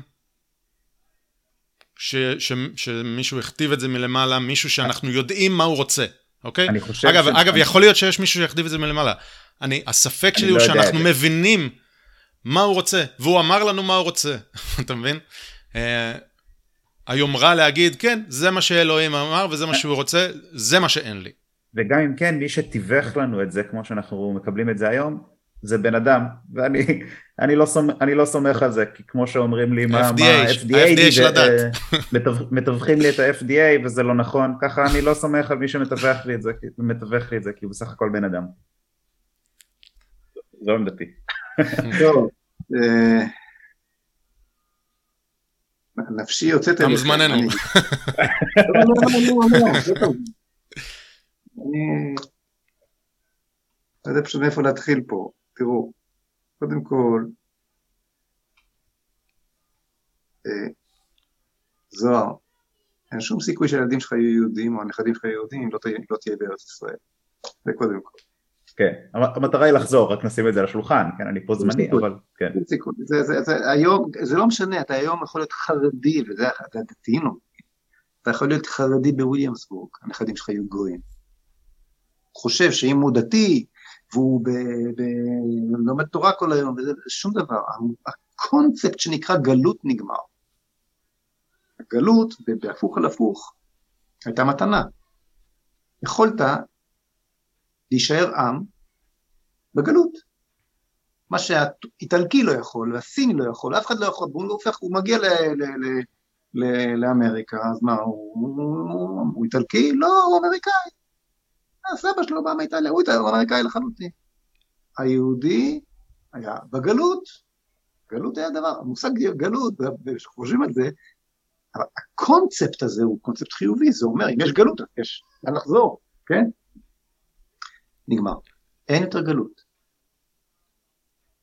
הגענו, האלפיים שנה האלו, קצת פחות, כן, נגמרו, והיום הזהות היהודית חזרה להיות קשורה ומחוברת לטריטוריה. ומי שחושב שהוא יוכל לשמר אותה בלעדיה, רק עם התורה, על אחת כמה וכמה בלי התורה, טועה לחלוטין. המספרים מראים את זה ואין בח... על זה בכלל ויכוח, אני חושב. זאת כבר המציאות, זה, זה לגמרי ברור. זאת אומרת, מי שלא ממהר לחזור לארץ ישראל, קוטע את את עצמו, את צאצאיו מן הזהות היהודית בוודאות שקרובה למאה אחוז. אה, זה קודם כל עובדה. עכשיו, לגבי. הזכרת פה את אה, שיקלי וכולי, ואתה אומר, אתה בטוח שילדיו במצב יותר טוב ממך. אני לא בטוח. אני גם לא בטוח. אני פחות חושש, אני לא, לא, בטוח זו מילה חזקה, אבל... כן. אתה אומר שאתה מקנא בו. אני, אני לא בוטח, ואני אגיד כאן אמירה שהיא מהופכת לחלוטין לכאורה מה, מהרעיון הליברלי שאני בגדול מאמין בו. אני לא מאמין בשום אידיאולוגיה שאין בה אלוהים. לא מאמין. איבדתי לחלוטין את האמון בכל דבר שאין לו עוגן ארכימדאי מוסרי שעליו הוא נשען. מן, מן, הטעמים, מן, מן הטעמים שהסברתי קודם, זה יכול להיות הכי יפה, הכי שמרן, הכי מכבד את המסורת. לא מאמין. אני לא מאמין לך. אתה מספר לעצמך סיפור, אתה מסדר לעצמך איזשהו, איזושהי נוחות מסוימת, כמובן שבסך הכל אני איתך באותן חפירות מול הפרוגרסיביות ומול האופנסיבה הפרוגרסיבית וכל מה שהיא מייצרת, בוודאי שאני פוליטית אני משיק לי, ולא אם אני לא יודע מה, אה, אה, השמאל הקיצוני, ברור, אבל האם זה יגן על הילדים שלי מהתבוללות? לא. ארץ ישראל תגן עליהם. הסך הכל היהודי כאן שנמצא פה, של, ש, ש, והתרבות הכללית, היא זו שתגן עליהם. החרדים השנואים ששומרים לנו על התורה, יגנו עליהם. למה? כי בדיאלקטיקה מולם, גם בין אם אני מסכים איתם ובין אם אני לא מסכים איתם, כן? יש את ה... יש את ה הם מאתגרים את החברה הישראלית עם התורה הזו שאתה לא מאמין בה, וזה בסדר, ואני האחרון שהולך לשכנע אותך עכשיו למה היא אמת. לא, אני, אני לא, זה, זה לא תפקיד שלי. אני לא מחזיר לך בתשובה, ובשביל זה יש כל מיני סמינרים, ערכים וזה, שבפנים בפנים אני מרגיש קצת, לא רוצה להגיד בזוי, ביזיון, אבל אני מרגיש ש, שזה לא תפקידי, בוא נגיד ככה, שזה מקטין את העניין אם אני מתחיל לנסות להוכיח אותו. אוקיי? זה מסע שכל אחד צריך לעשות אותו בעצמו ולהגיע לאן שיחפוץ, ואני אקבל לחלוטין את המקום שאליו הוא יגיע, ואני אכבד את זה לחלוטין, ואני חושב שעם כל מה שאתה אומר שאין בך, יש בך דברים שבי אין, ואני חושב שכמו שאתה צריך אותי, אני צריך אותך,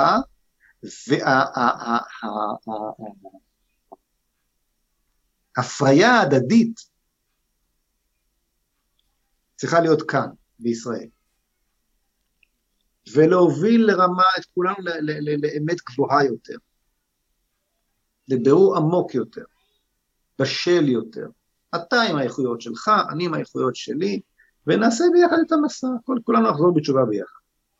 זה, אני אומר את זה ברצינות. אני אומר את זה ברצינות. אני זכיתי, גדלתי עם האמונה בכפית. אז אין לי צורך, אז אין לי את הנכות, כן? אני אומר את זה לא בצורה מתנשאת, אלא ממש כך. אין לי את הנכות שאתה סובל ממנה עכשיו, שדור שלם סובל ממנה עכשיו.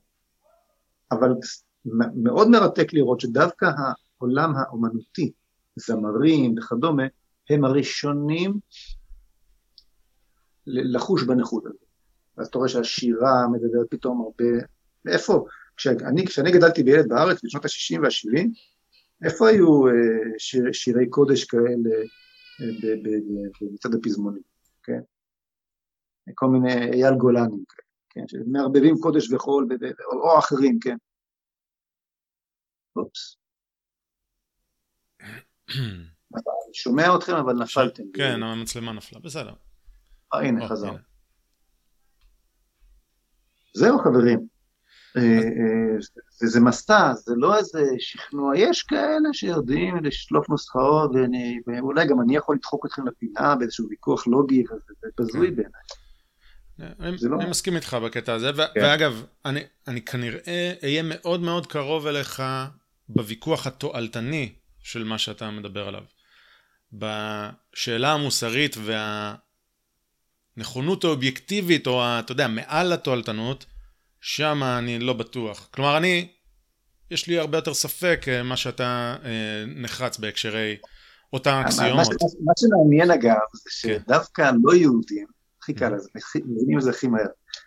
לקחתי לי את ה... היינו בטיול, אני זוכר, בקולורדו. שני, שניים מילדיי הקטנים יותר, ואשתי הייתה צריכה איזשהו טיפול רפואי, נסענו, בזמן שהיא עברה את הטיפול, אנחנו שכרנו סירה בנהר הקולורדו, בנהר, כן, Colorado River. רפטינג כזה, נהר מאוד שוצף קוצף. זה כיף, אוקיי. הוא מקבל את זה עם איזה מדריך, וכולם באפודים וקסדות, ושני הבנים ככה מלפנים מחזיקים, והמדריך אמור לתת לך הסברים, ואז הוא שואל אותנו, where you from? אני אומר לו, אנחנו מישראל. אז הוא אומר, המדריך שהיה בסך הכל סטודנט אה, בן 24 לפסיכולוגיה באוניברסיטה של קולורדו, אז הוא אומר, אני ראיתי ביוטיוב אה, סרט על ה- The Rise and Fall of the Roman Empire, uh, and there are Jews over there. Is that you? הוא אומר, אתם היהודים האלה שראיתי בסרט על, על, על רומא העתיקה? כן. אז אמרתי לו, תקשיב. אה, אז אמרתי לו, כן, זה אנחנו. אז הוא היה בהלם מוחלט, הלם מוחלט, מה שלנו כבר לא מפריע, כבר, כבר, לא, כבר לא מצלצל באוזן, בשבילו הוא, הוא היה בהלם מוחלט, הוא היה אמור להדריך אותנו, לא אמר מילה, הוא התעקש לאורך כל המסלול שאני אספר לו את כל ההיסטוריה של עם ישראל. אה, אה, אמרתי לו ככה, תקשיב, דמיין שאתה יורד מהדירה שלך, לזרוק את הזבל עם השקית זבל, ובין פחי האשפה שם למטה, אתה, מור, אתה רואה שלושה דינוזאורים בגודל של חתול, דינוזאורים, עם פפיונים קטנים. הוא אומר לי, מה זאת אומרת? אמרתי לו, זה מה שאנחנו, יש לך דינוזאורים בתוך הסירה, שלושה דינוזאורים בתוך הסירה, זה אני. זה הסיפור שלנו. אנחנו ראינו את האשורים ואת הבבלים ואת היוונים ואת הרומאים, כמובן את הפרעונים ואת העולם העתיק, הנצחיות שלנו כפי שאמר איזשהו פילוסוף צרפתי ששכחתי את שמו, הנצחיות של עם ישראל היא הוכחה שיש אלוהים. הסיפור ש... כשאתם מתקשים בקבלת העניין הזה, אני מציע לכם לשוב ולהיזכר בעובדה הפשוטה שאנחנו עם שחי בניגוד לכל כללי ההיסטוריה. וההלם המוחלט הזה של אותו בחור צעיר על הסירה, הוא לא נחלתנו, כי אנחנו בתוך הסיפור, אז אנחנו לא רואים אותו. הגמל לא רואה את דבשתו. כן. אבל, כן. אבל הסיפור, הסיפור שלנו הוא סיפור של פלא. אני לחלוטין חושב שמה שהחזיק את העם כעם היה, היה הדת, אבל היום שיש לנו באמת את המדינה, אתה בעצמך אמרת שמה שיעשה את הנכדים של היהודים זה ישראל. אז, אז אני תוהה... לא, לא, לא מדינת ישראל, ארץ ישראל. ארץ ישראל, כן. ארץ ישראל, לחלוטין. אז אני... אז אני... מדינת ישראל עושה הכל כדי שהם לא יהיו יהודים. אני אומר את זה ב... כן. כן, אני, מבין מה אתה אומר. אבל אני אומר, אני חושב, אני חושב שדת כזו, כמו שתיארתי מקודם, שהיא מבוססת על אותם ערכים אה, יהודיים, אבל היא לא... אין לה את המצפן החיצוני הזה של, של אלוהים דווקא, אלא היא ללא, ללא אלוהים אה, יכולה, יכולה לקום ולקרות בישראל, ו, ואני רואה את עצמי נציג של אותה דת, כן? כן בגלל זה אני חוזר לשם. כמה? למה? רואים לדמוקרטיה. רואים אה. לדמוקרטיה. אמרתי, ארבע דתות הקימה הנאורות. כלומר, כשדחקנו את האלוהים הצידה, הבאנו במקומו, במקום הנצרות, היהדות והאסלאם, כן, והדתות בכלל, הבאנו את הדתות האתאיסטיות, מה שאתה מדבר עליהן, ואלו ארבעת הדתות, הדמוקרטיה, אני מניח שאתה מדבר על דמוקרטיה ולא על קומוניזם או על פשיזם, כן. אז אה, אה, כן, והדמוקרטיה הזאת קורסת עכשיו לחלוטין בכל העולם, זה נגמר. בעיניי גם דמוקרטיה יכולה להיות הרי מושתתת על ערכים, אה, על ערכים שונים ועדיין להיקרא דמוקרטיה. אני חושב שכאילו כמו, כמו שאתה בטח מבין כבר אחד הערכים המהותיים ביותר שחייבים להיות זה, זה, זו החירות, חופש הפרט והחירות ו, זה, זה משהו שבאמת שאוב לדעתי מה, מהסולם הערכים היהודי. או, אני יכול להתווכח איתך, אני מסכים איתך לחלוטין. החירות היא, היא מגרש המשחקים שעליו היהדות מתפקדת, היא, היא לא היהדות, היא התשתית של היהדות. בגלל שבשונה מהנצרות והאסלאם, ופה אני כבר נכנס אל אותו בירור שאמרתי לכם, אתם צריכים לעשות עם עצמכם, אי אפשר לברוח. הנצרות התייאשה מאלוהים.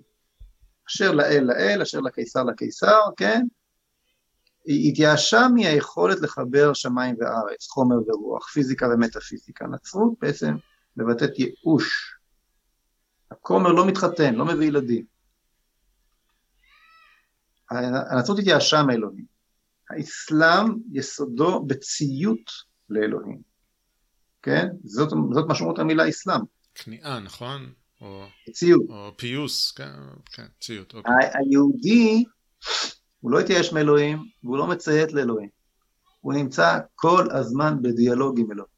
אלוהים, של אלוהי ישראל רוצה שתבחר בו לא פעם בשנה ביום כיפור, כל רגע, כל רגע. ו, ומכיוון שכך, מכיוון שהוא רוצה שתבחר, הוא חייב לאפשר לך גם לבחור הפוך.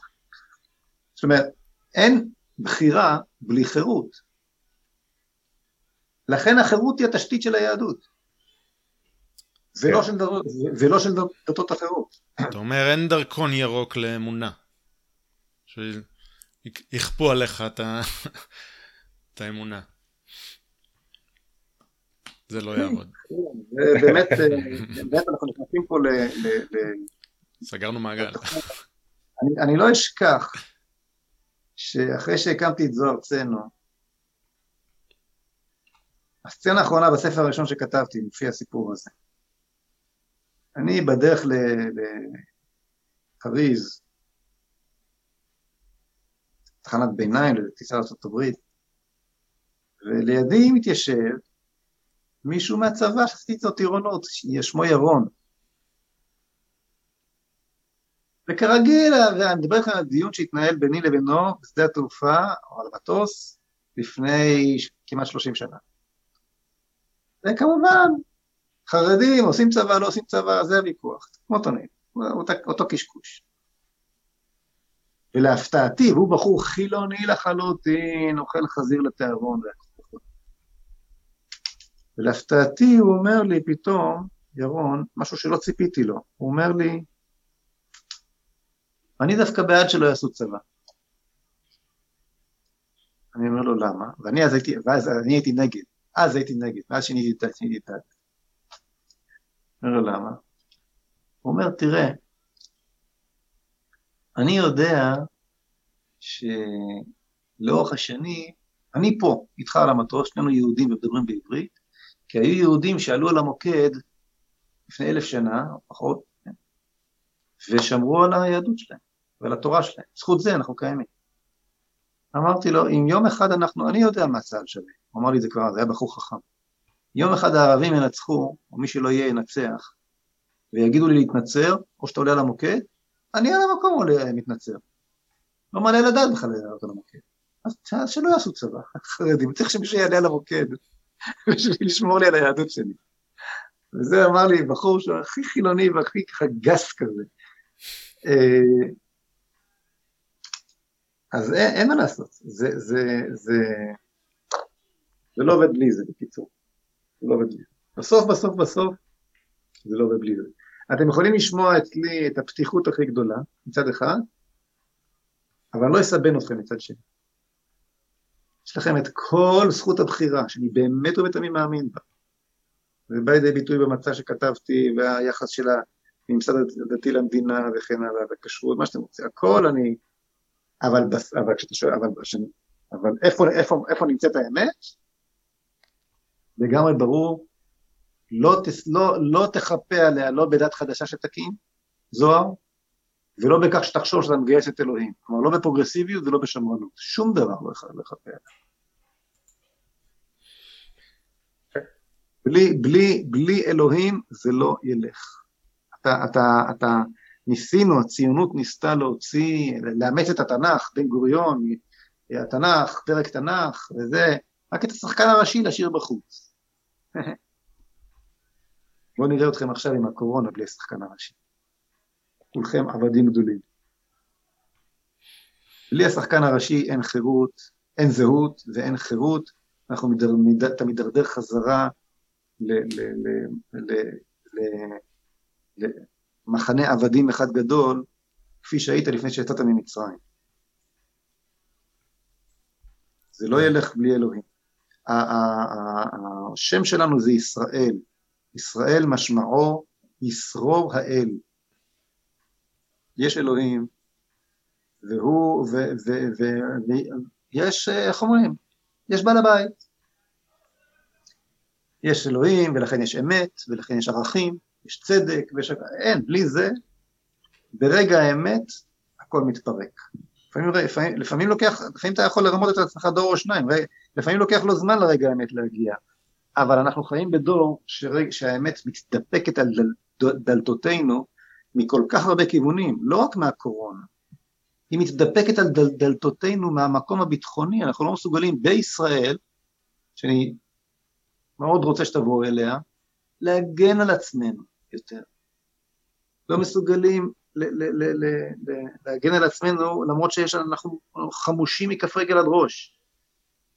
ואנחנו חלשים ובמצב יותר מסוכן ממה שהיינו ערב מלחמת העצמאות. וזה אומר האלוף בריק וכבר, ו, ו, ו, ואנשי אה, צבא, לא רק אני אומר. אני אומר את זה הרבה שנים, עכשיו אומרים את זה כבר, כבר אלופים בצה"ל. איך הגענו למצב הזה? כן, אלוהים. טוב, חברים. יפה.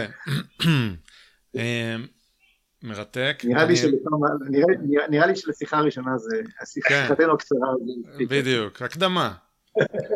אוקיי. מעולה. אנחנו מסיימים תמיד בהמלצות תרבות. אה, נעשה את זה קצר. אני אמליץ על ספר שאני חושב שאליו התייחסת, והוא קץ הנורמליות, ספר שלך, שרציתי קצת שנדבר על זו ארצנו ומה היה שם וזה, אבל לא, לא יצא לנו לדבר על זה ואני בסדר עם זה לגמרי עם זה, אבל בספר הזה אתה מתאר את מה שקרה שם. אה, ושוב, בתור מי שהיה נער שם, אני אומר, מה זה, מאיזה מציאות זו? אה, וכן, זה היה ופשוט אה, לא שמעתי על זה אז. אני ממליץ מאוד על הספר הזה, כי הוא גם מתאר איזשהו תהליך מחשבתי או מסע אינטלקטואלי שאתה עברת. אני חושב, אני, אני גמדתי אותו בשקיקה, וזה אני אומר בתור מישהו שמאוד מתקשה לקרוא. ואם כבר, אני אגיד, אני, אם כבר אני אגיד עוד אוקיי. ספר, כי ציינו קצת את רמטכ"ל ששת הימים, אז יש ספר של מייקל אורן שנקרא שישה, אה, איך הוא קורא לזה? נראה לי The Six Day War, לא, uh, Six Days of War באנגלית, אני לא יודע איך קוראים לו בעברית. Uh, שמעתי אותו באודיבול, נשים, נשים אותו. מד, מדהים, מרתק, uh, כתיבה קולחת, נהדר. אז uh, אני נתתי שתי המלצות היום. יפה. אני, אני אעשה את זה קצר. אה, מתקשר לי גם כן לכל השיח על הקורונה, כבר דיברנו על זה בעבר, על השטחיות של הדיון ועל אה, מי ששמע את הפרקים הקודמים יודע מה אני, מתכוון שאנחנו מדברים שזה מזכיר לנו את אובמה, אה, שזה משוואת כן ולא כזו. אז יש בחור בריטי שקוראים לו CGP גריי, שהוא עושה סרטונים ביוטיוב וכבר המלצתי על הערוץ שלו בעבר. יש לו סרטון חמוד, שלוש דקות, שנקרא uh, Which planet is the closest? איזה כוכב לכת הוא הקרוב ביותר לארץ? Uh, שאלה על פניו פשוטה, לוקחים קו בין שתי, שני הכוכבים, מחברים, רואים מה, מה הכי קרוב, אז uh, שם הוא מסביר למה השאלה היא לא כזו פשוטה, זו שאלה רב-ממדית, אפשר לשאול אותה בדרכים שונות, ו, uh, וזה מעניין, התשובה, התשובה מפתיעה גם, אני חייב להגיד, אה, ספוילר. אה, אז, אז אה, כן, זה, זה מזכיר לי ומתחבר לסרטון מצויר, אנימציה כזו, חמוד מאוד, בכלליות הוא מעולה, וממליץ על הסרטון הזה. ממחיש את הצורך בענווה.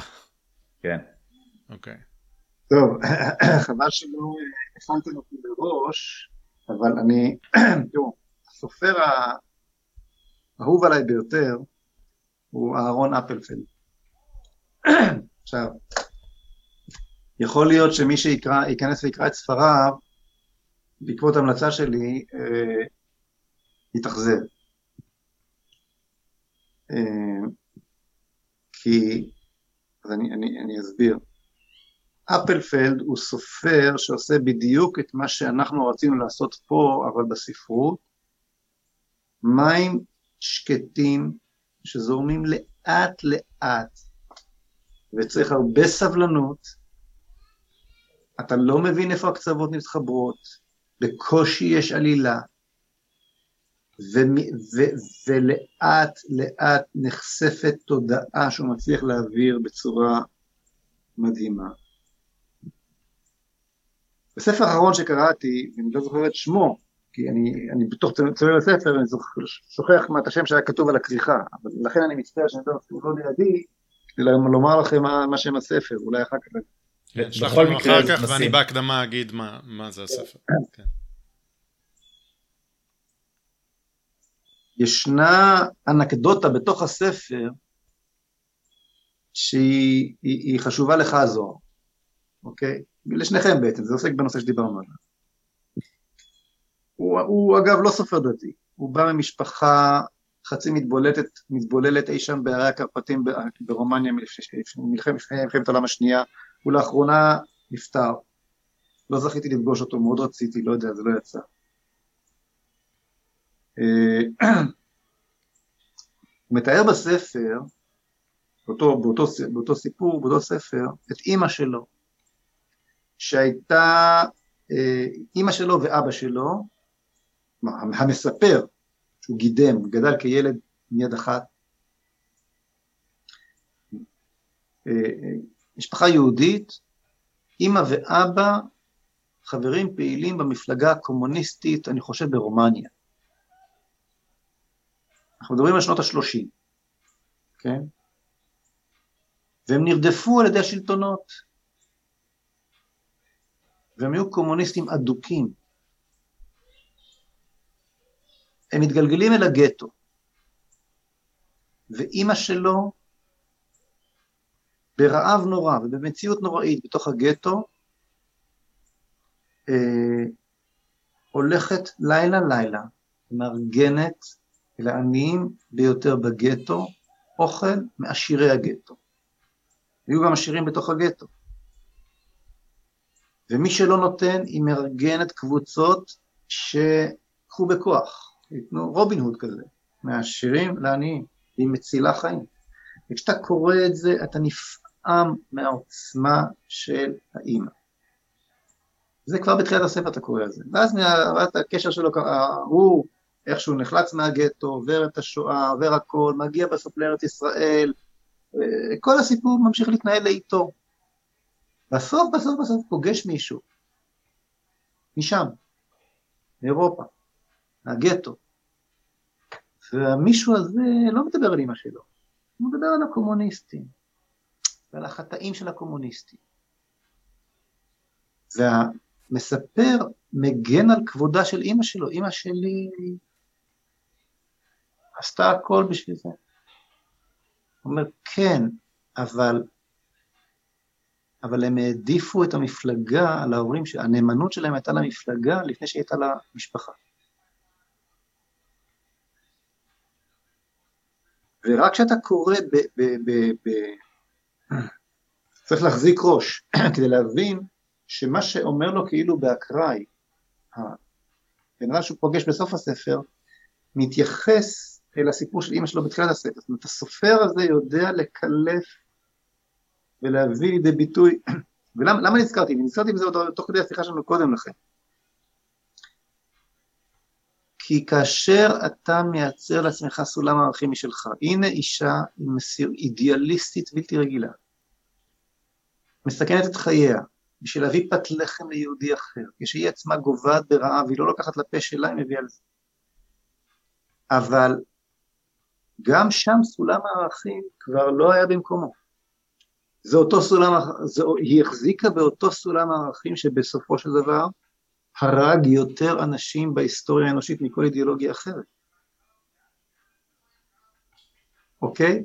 אתה יכול לחשוב בקטע מסוים של המציאות שיש לך סולם ערכים, שאתה הגעת אליו בכוח תבונה שלך, ואתה יכול להיות נפעם מגבורתם של אנשים ומעוצמתם האידיאולוגית והטוב האנושי שטבוע בך, שדיברנו עליו בהתחלה, יוצא אל אותם אנשים, וואו, וואו ענק, אבל בסוף בסוף בסוף האידיאולוגיה הזאת זאת אידיאולוגיה שהפכה את הילד שהסגיר את הוריו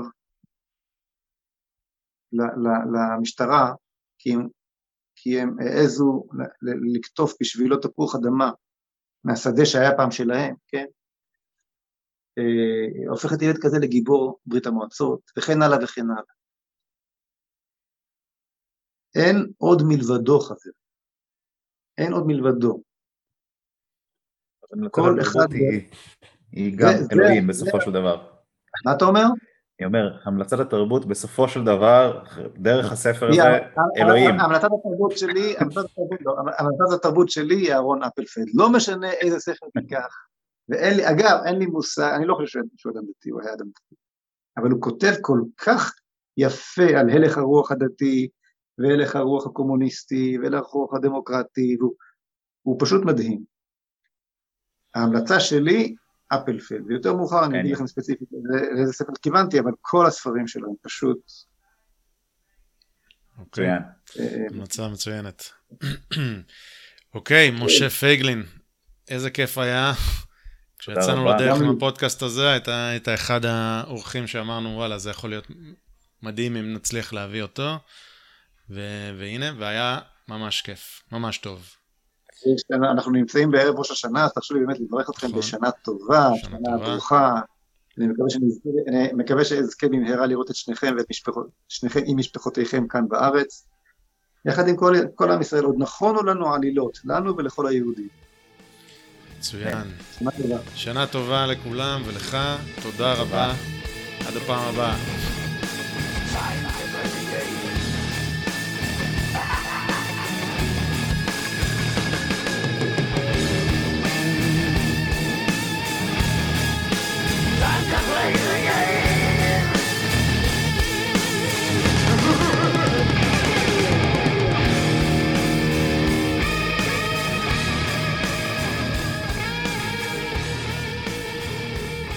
אם אהבתם את מה ששמעתם, אתם מוזמנים לעקוב אחרינו ולהצטרף לערוץ הטלגרם שלנו. אתם יכולים לעקוב אחרינו בטוויטר, לשלוח לנו מיילים, לכתוב לנו תגובות באתר, ולשתף עם כל החברים שלכם שאתם חושבים שהתעניינו בזה. כל תגובה שלכם, הערה, פידבק, הצעה לאורחים, מיילים זוהמים, מה שתרצו, רק עוזר לנו להשתפר ולתת לכם מוצר יותר טוב. תודה שהאזנתם, עד הפעם הבאה, להתראות.